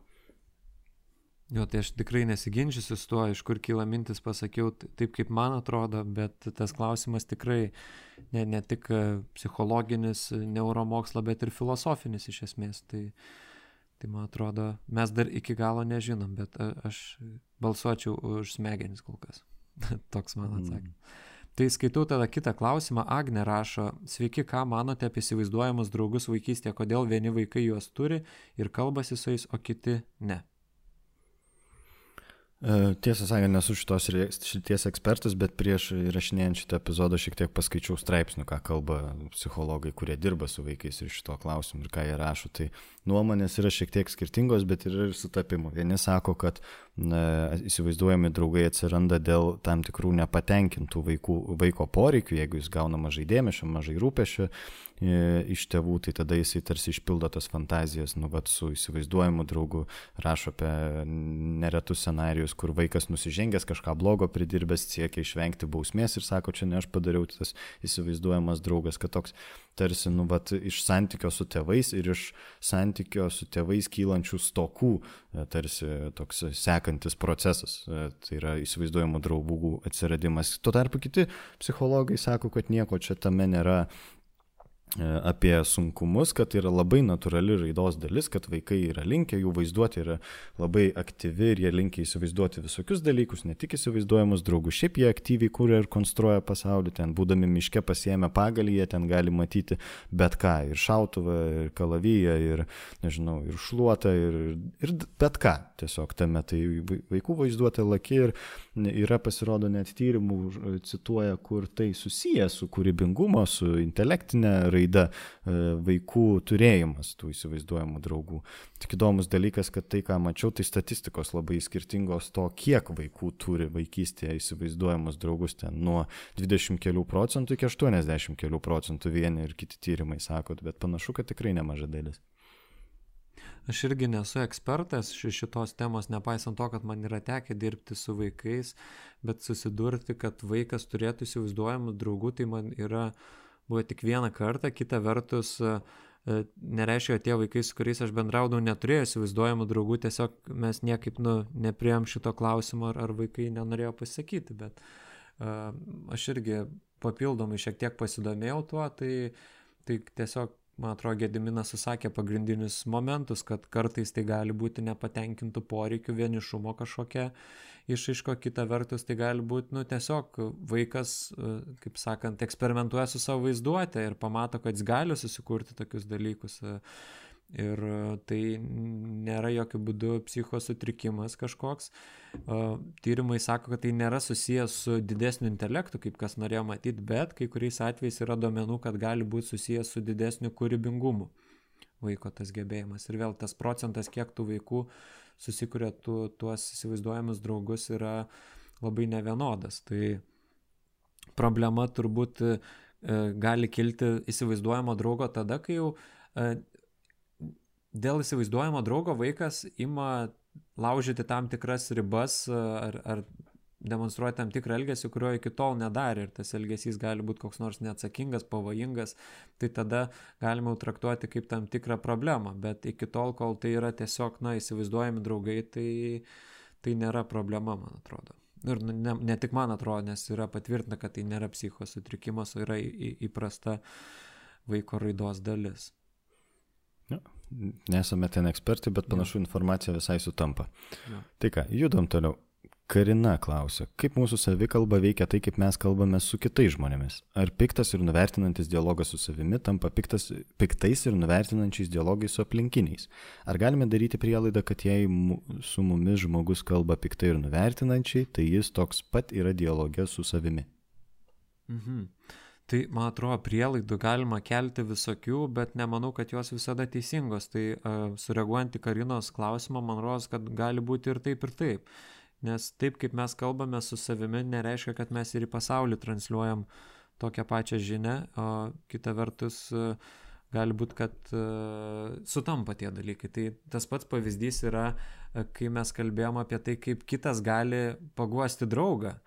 Kai, kai jam kažkas negerai nutinka, tai viduj pas jį gali būti dialogas labai kritiškas savo, bet kitam jisai sugeba kažkaip tą atjautą pajausti ir padrasinti ir panašiai. Tai tai nebūtinai vidinis dialogas sutampa su tuo, kuo žmogus išorė yra. Ir netgi sakyčiau, gal netgi dažniau nesutampa negu sutampa, nes grįžtant prie mūsų uh, personos temos, kai mes kalbėjom apie kaukės žmonių, tai juk galvoj gali virti visokiausių tenais dialogų ir netgi kritikos žmonėm ar netgi iki neapykantos žodžių E, visokiausių ir scenarijų, bet nu, mes to neištransliuojam. Tai aš sakyčiau, kad uh, kai kuriais atvejais gali sutapti, bet kai kuriais atvejais nesutampa. Aš dar pratesdamas mintį pridėčiau, kad net tą patį atvejį galim paimti ir žiūrėti skirtingus sluoksnius ir ten matysime skirtingus dalykus. Aš pagalvojau apie tokį pavyzdį narciziško žmogaus, kuris gali apie save išoriškai mąstyti labai gerai kad aš čia labai fainas, visas geras ir kitus nuvertinti. Bet giliai, giliai, giliai viduje, ko jis pats e, neprisileidžia dažnai galbūt iki savęs, jis jaučiasi labai menkas. Ir tada išoriniam sluoksniui jis vienaip atrodo, vidiniam sluoksniui kitaip atrodo, išraiško jo kitų žmonių atžvilgių dar kitokie. Tai aš sutinku su tavo mintimi, kad tikrai prielaidų gali būti visokių ir nebūtinai tai sutapti, bet e, tuo pat metu ir antrinčiau tau tame, kad e, yra savotiško ryšio tai e, tame, kokiame mes santykė esame su savimi, tai mes kažkiek daugiau ar mažiau panašiam santykė galim būti, galime būti ir su kitais. Čia jau kalbant apie visus tuos aspektus, apie kuriuos esam kalbėję, tiek, kiek mes savyje priemam visokių dalykų apie save, tiek mes ir pasaulyje priimsim visokių dalykų. Jeigu mums, mumise nepatinka kažkokios labai savybės, tai labai e, tikėtina, kad mes ir kitose netoleruosim ir tai atsispindės mūsų dialoge ir jo pobūdyje. Tai aš manau, kad čia visais kam, įvairiais kampais galima mm, pjaustyti šitą klausimą. Jo, ir man dar atėjo pavyzdys apie, apie grožį, tarkim, ar negali žmogus kompleksuoti dėl savo išvaizdos ir jo tas vidinis dialogas apie savo kūno vaizdą gali būti labai nepalaikantis, bet jisai gali labai girti kitų išvaizdą ir, ir transliuoti, rodyti, kokie, kokie kiti gražus. Tai galima netgi pamatyti tą tokį atvirkštinį kartais ryšį, kad, kad mes bandom priešingai elgti su kitu, negu, negu kalbamės viduje. Bet vėlgi čia labai priklauso nuo žmogaus, nuo situacijos ir būtų, būtų turbūt klaidinga visą laiką kelti tą prielaidą, kad jeigu vidinis dialogas toks, tai ir būtinai išorinis toks. Arba jeigu išorinis toks, tai vadinasi ir viduje taip žmogus mąsto. Taip, tai galim keliauti tada prie kito klausimo. Jėva rašo, sveiki, manau vidinis dialogas labai geras dalykas, tengiuosi, jog jis dažniausiai būtų pozityvus. Tačiau dažnai tas vidinis dialogas būna iš neigiamos pusės, savęs nuvertinimai, neigiami pasisakymai savo ir panašiai. Kaip tą neigiamą dialogą numalšinti ar jo atsikratyti? Na, jeigu tai iš viso yra įmanoma, rašo Jėva. Kažkiek tikrai ir manoma ir mes apie tai šiek tiek jau lietėm kalbėdami, bet man norisi gal kažkaip sureaguoti taip plačiau ir iš tokio platesnio konteksto į šitą klausimą. Um, man regis mes įpratę matyti heroizmą ir herojus tuos tokius, nu, vat, labai ryškius žmonės, ar ten sėkmingus žmonės, arba tai, ką mes matome filmuose personažus, kurie ten, nežinau, nuveikia didelius darbus, ar ten jie turi supergalių dar geriau, jeigu kalbė, kalbėti apie kažkokią fantastiką ar, ar, ar kitus dalykus. Tai bet e, man labai patinka kitokio, kitoks heroizmo supratimas, apie kurį, neneigiant ir šito, bet e, apie kurį Jungas kalbėjo, apie tą kasdienį heroizmą. Jeigu tai pagalvojus, nu, mane dažnai kažkaip, nu, vat, liečia tas aspektas, e, dirbant psichologo darbą, kai aš matau tiek žmonių, kurie nežinau, vieni turi sunkę kažkokią lygą, su kuria visą gyvenimą kovoja, kiti turi kažkokį, nežinau, psichikos e, lygą sergantį artimąjį, kuris kankinos ir juo nuolat reikia rūpintis, arba patys turi psichikos sutrikimą ir su juo bando kovoti, nežinau, susidūrė pirmą kartą su žiaurė depresija, ar ten patyrė psichozę, ar patyrė panikos priepolius, nerimo sutrikimus ar kitus dalykus, ar patiria kažkokias skaudžias krizės, netenka artimų ir jie vis tiek stumėsi į priekį gyvenimu. Vis tiek, nors ir buvo atstumti, įskaudinti, sumušti ar patyrę prievartą, vis viena eina ir santykius į juos kūrė. Būdami visiškai palikti, vis viena kūrė iš naujo pasitikėjimą žmonėmis kitais ir vis tiek eina į artumą ir, ir net skaudžiausias netektis patyrė, atranda vis tiek, kas juos užpildo ir įvairiausiose, įvairiausiose sunkumuose, nu iš esmės, jeigu tai paimti vos ne bet kokį žmogų atsitiktinį populiacijų, mes rasime jo gyvenime kažkokį sunkų dalyką, su kuriuo jis bando susitvarkyti ir vis viena juda gyvenimu pirmin, vis viena nepasiduoda, vis viena ne, nesugriūna, kartais palūšta, bet stojasi keliasi vėl juda pirmin. Ir tai yra tos tokius, nu, va, tas kasdienis heroizmas, tos kasdienės kilnios pastangos, kurios šiaip jau nepastebimas, jos neblizgi, nežinau, supermeno kostiumo ar kažkokiais kitokiais pompastiškais pasiekimais, bet, nes jos yra tokios mažai matomos, bet jos yra tikros ir rimtos. Ir man atrodo, pamačius tą kasdienį heroizmą savyje ir kitame esančiame šalia savęs, nu, vien to gali pakakti, kad pajausti bent kažkokį dėkingumą savo, kad aš, nepaisant viso šito, šito mėšlo vis vieną dedu vieną ar kitą žingsnį pirmin, vis vieną nepasiduodu, vis vieną judu gyvenimu, vis vieną kuriu santykius, vis vieną bandau atrasti prasme, nors man daug kartų atrodė visą tai beprasmiška. Tai man atrodo šitas yra toks aspektas, kur nu, tą įsisamoninus kažkaip iki kaulų smegenų, aš manau, kad visai gali prasiveršti tokie jausmai kaip bent jau prieimimas ir dėkingumas savo, kad bent už tas pastangas, kad aš nepasiduodu. Tai kažkaip va, taip va, man norėjosi sureaguoti. Aha, tai čia jau taip visai didel, dideliu kampu paėmė šitą klausimą, kaip, kaip numalšinti tą neigiamą dialogą. Aš, aš taip plačiai nebandysiu galinti, aš gal pabandysiu konkrečiau.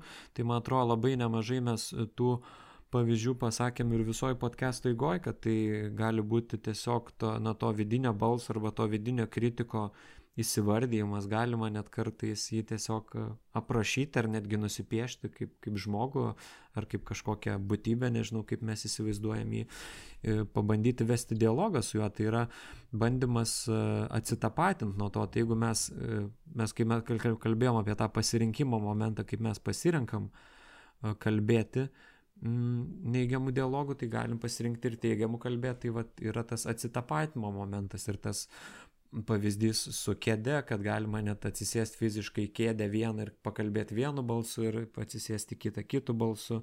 Tada yra rašymas sąmoningo e, minčių ir, žiūrėjimas, kaip mes mastom. Tiksliau, rašymas ir pastebėjimas tenais sąmoningai jau to kaip mes kalbam su savim. Taip pat tas dėkingumas, kurį Gediminas paminėjo, irgi labai svarbus dalykas, už ką mes esam dėkingi, galima kiekvieną dieną bent po vieną kokį nors išsirašyti punktą ar bent jau savo pasakyti, už ką aš esu dėkingas. Tai įvairių yra tų, tų būdų ir atsakymas, man atrodo, kad tikrai įmanoma tą neigiamą balsą numalšinti. Kita vertus, man atrodo, verta matyti ne tik jo žalojantį potencialą to neigiamo balso, bet kad jis kartais suveikia ir kaip tam tikras, na, kritikas gerąją prasme, kuris suabejoja mumis tada, kai reikia kai mes, pavyzdžiui, galbūt įdedam kažkur per mažai pastangų ir tada atsiranda blemba, gal čia lievai padarai. Ir nu, kartais tikrai būna, kad lievai padarai.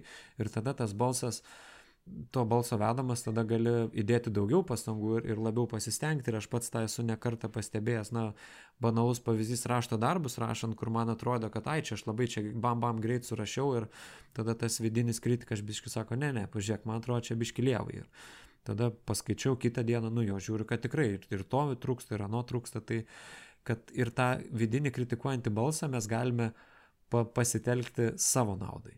Man taip atrodo. Labai gera mintis, aš tik pritarčiau dar kitų vaizdinių papildyčiau, kad, žinai, mes remiamės tais kritikais, kai, nežinau, perkame panaudotą automobilį ir nuvežame į servizą jį patikrinti. Mums reikia tų kritikų, kurie diagnozuotų trūkumus. Kai mes renkamės kokį nors gerą filmą pasižiūrėti, mes skaitom kino kritikus, kurie sako, aha, tie lievi filmai, o šitie geri filmai, kokybiški. Mums reikia tų kritikų, kai mes renkamės būstą pirkti. Ar dar įvairiose skirtingose gyvenimo situacijose. Tai per tokį vaizdinį aš visai palyginčiau irgi su tuo, ką tu sakai, pratesant kad ir mumise jisai reikalingas. Kai kuriuose situacijose, kur mes vis trankom galvą į sieną, vis tuo pačiu būdu ir siekiam kažkokio kito rezultato. Ir tada tas vidinis kritikas gali, gali ateiti į pagalbą, sakydam, ei, žiūrėk, tu čia taip negerai darai, taip negerai, taip negerai darai. Tai jeigu mes jį panaudojam kaip tokį draugą, pagalbininką tame kelyje, kad diagnozuoti trūkumus ir bandyti juos įveikti, tai tada jisai gali būti labai naudingas. Bet jeigu mes tiesiog tame nu, būname, tūnome, skęstame tokiam savęs kaltinime, savęs merkime, tai tai niekaip nepadeda prisimti atsakomybės už kažkokį trūkumą ir e, ėmimasi pokyčio. Tai jeigu tokiu apraučiu, tokiu santykiu, tokiu prieiga, prieinant prie vidinio kritiko, kad jis gali mums parodyti, ką mes galime pakeisti ir kuria kryptim pajudėti, tai manau, kad jis gali padėti. Bet jeigu mes jo klausom kaip teisėjo, kuris rašo mums diagnozes ir viskas, tai tada nieko naudingo iš to. Jo, ir aš dar turiu vieną mintį, kurią mes keliam netgi, man ros, į dialogo Instagramą, man labai patiko tavo mm, ta citata, kurią aš dabar perskaitysiu ir man ros, jinai labai į, į temą su vidiniu kritiku, kad, kad vienas iš būdų, kaip spręsti savivertės klausimus, yra įsisamonimas, kokiu pagrindu remiasi kriterijai, kuriais mes vertiname save ir iškelti klausimą, ar tie kriterijai yra absoliučiai teisingi. Tai kai mes susidurėm su tuo kritikuojančiu balsu ar ne, tai verta paklausti, tai kokiu kriteriju čia atremės. Tai jeigu aš lievas, tai kokiu kriteriju aš čia lievas. Mhm. Jo, ir jeigu tas balsas sako, kad aš lievas visas kaip toks, viskas apie mane blogai, o dar geriau, jeigu tas balsas sako, kad ne tik tai aš lievas, bet ir visi kiti aplinkui lievi, tai klausimas, ar iš vis tokiu kritiku galima pasi, pasitikėti, ar jis tiesiog yra kažkoks piktas bambeklis. Jo. Judam? Paskutinis klausimas. Milda klausia. Viduje dažnai bambu, repetuoju, ką norėčiau pasakyti mane supykdžiusiam žmogui gyvai, bet tai neišsirutulioja į situacijos sprendimą, tiesiog toliau kursto vidinį nepasitenkinimą. Neretai tie bambėjimo objektai keičiasi, bet tendencija išlieka. Nuo tokių minčių darosi sunku susikaupti. Meditacija ne visada padeda, kartais net pablogina situaciją. Manau, tai susijęs su baime apibriežti ribas ir mažiau taikytis prie aplinkinių. Mhm, tai pati, pati Milda visai neblogai ir pareflektavo, su kuo čia tai gali būti susiję, tai gali būti, manau, susiję su, su tam tikra baime ribas apibriežti, bet man atrodo, tai yra situacija visiems labai pažįstama. Nu, pakelkite ranką, kas, kas esat, žinai, bent kartą duše kažkokius scenarius vartės, kaip, kaip kas kam atsakytų, po kokio nors ginčio ir panašiai, tai ko gero kiekvienam pažįstama situacija.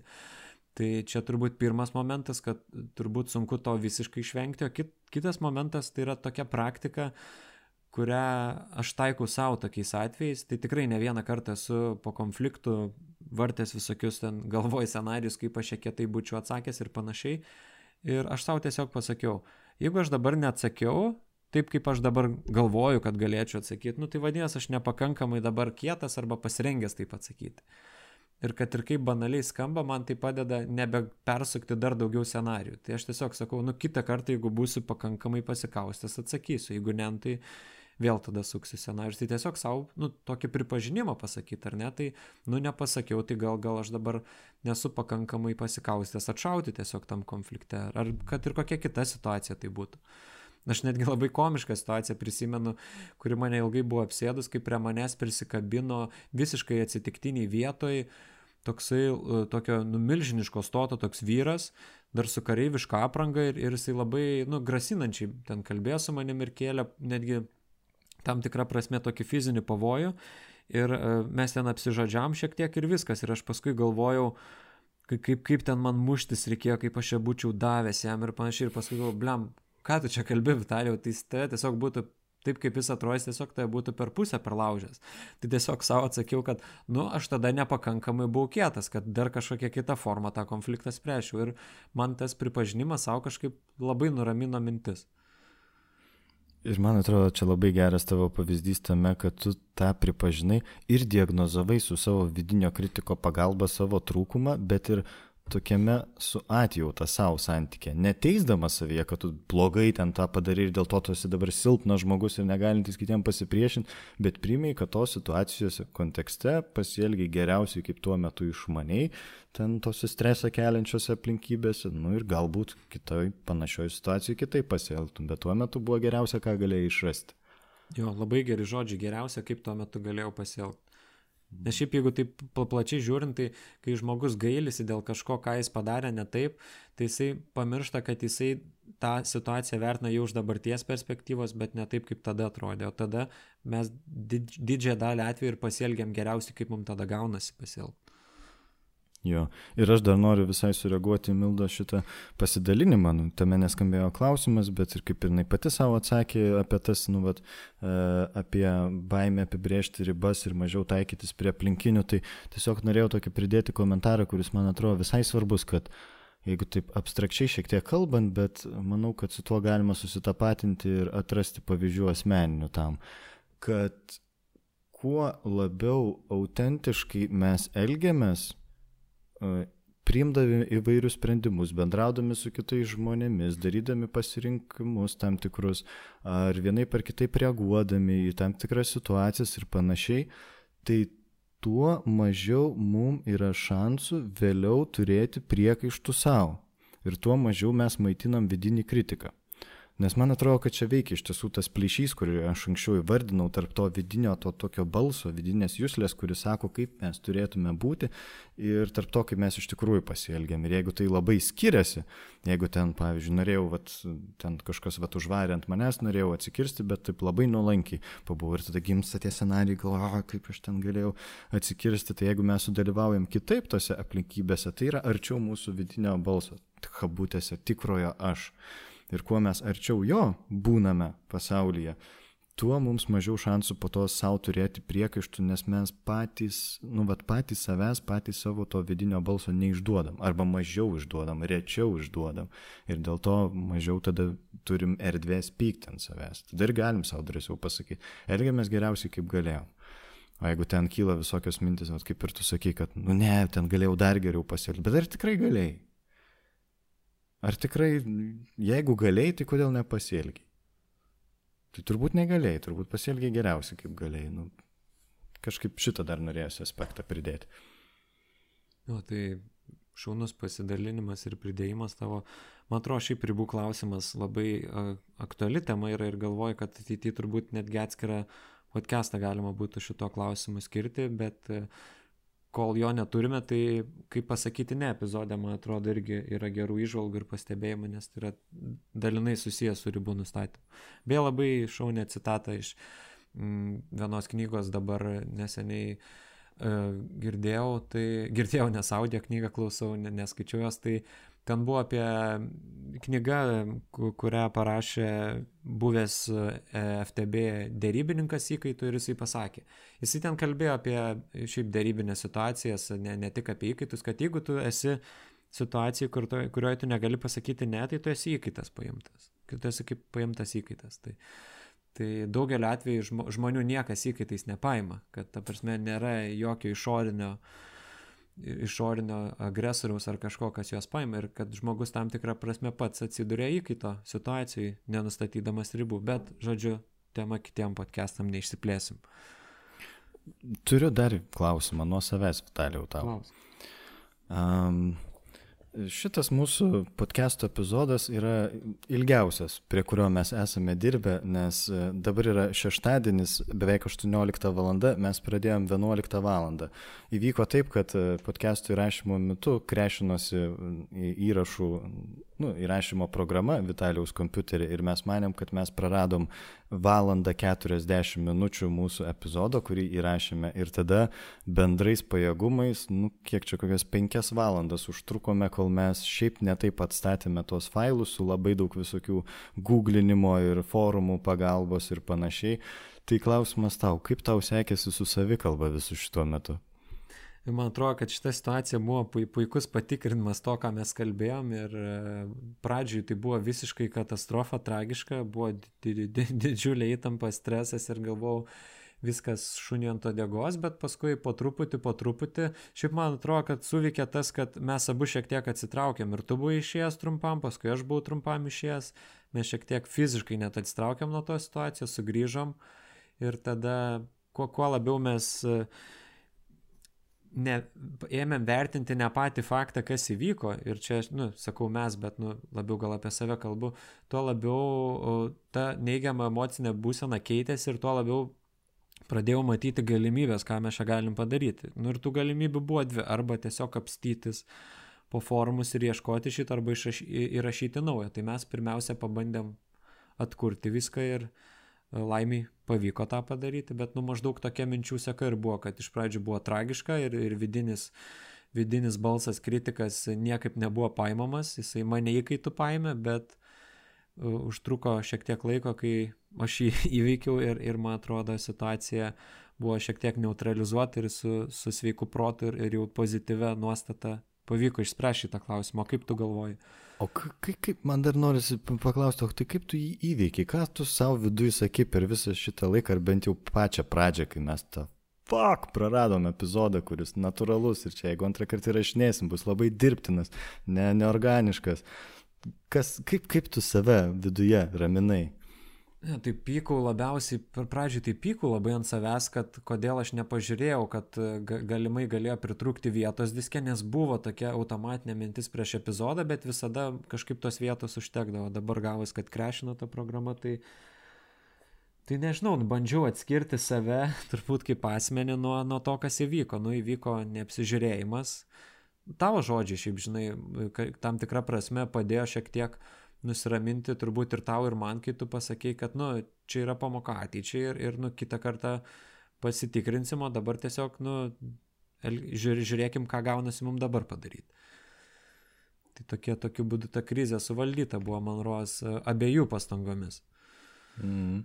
Man tiesą sakant, tikrai labai patiko ir tikrai visai yra geras jausmas, kad ir kaip užkniso visą tai daryti ir forumuose ieškoti sudėtingus ten programavimo, visokius dalykus, skriptus ar dar kažkokius nesąmonės, kuriuo aš nesuprantu ir nemėgstu, bet panašu, kad mums pavyko šitie momentai, bet man visai patiko toks bendradarbiavimo jausmas ištikus sunkumai. Nors tiesą sakant, ir aš pats pradžiui sureagavau, nu toks jausmas buvo, kai tu pasakai, palauk gedai, sustok, čia kažkas įvyko, nebėra programos tai man toks kaip širdis į kulnus, nes įrašėm beveik dviejų valandų epizodą ir jis dingo ir toks jausmas buvo, kad visai gerai kažkaip sklandžiai mums šiandien e, sekėsi kalbėti, tai atrodo, Pemba, prarasim gerą epizodą ir čia ir, ir laikas, ir šeštadienis, savaitgalis, ir taip noris ilsėtis ten ir panašiai, ir čia dabar e, vėl iš naujo ir tokių atsiradus savyje minčių.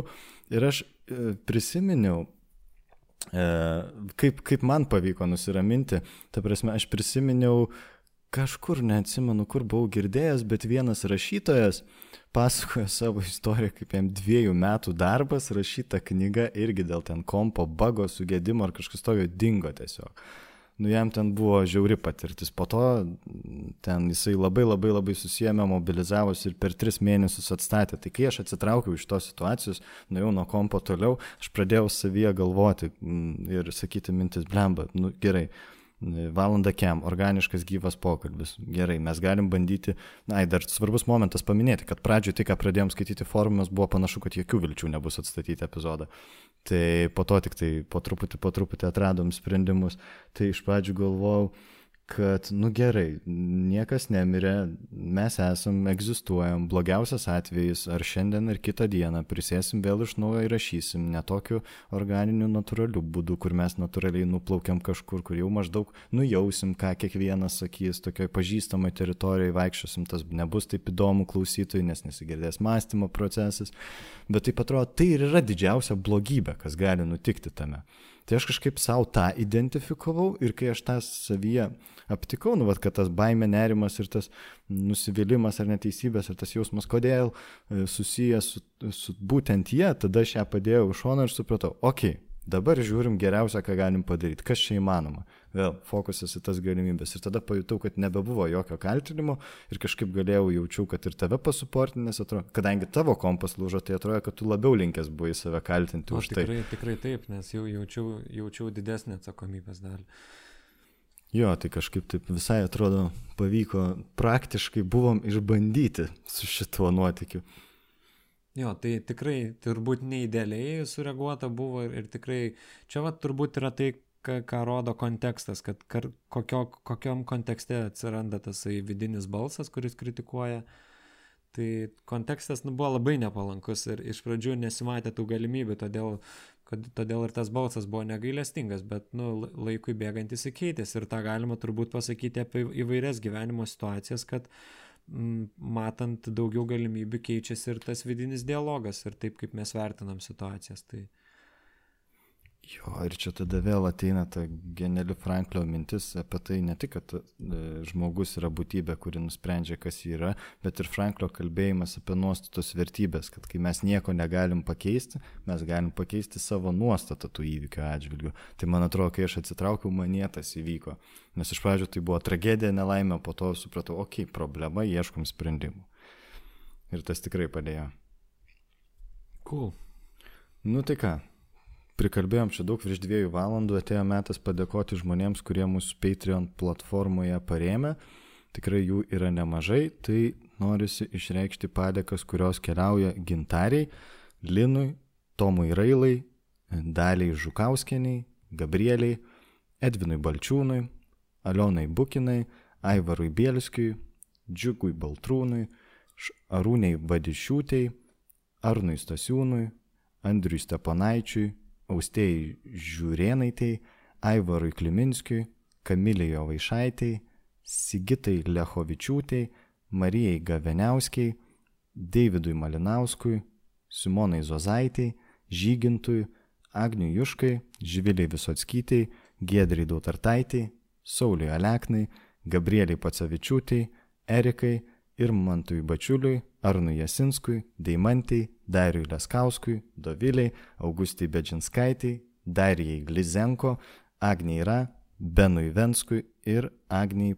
Pučilauskaitai. Tai ačiū Jums labai, kad remite mūsų podcastą, mums tai padeda, palaiko, motivuoja ir padeda atlaikyti tokius iššūkius, su kuriais susidūrėm šiandien. Kažkaip, žinok, jaučiau užnugarį.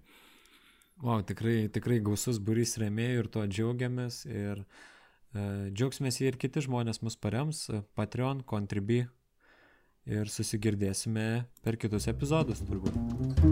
Iki. Iki. thank you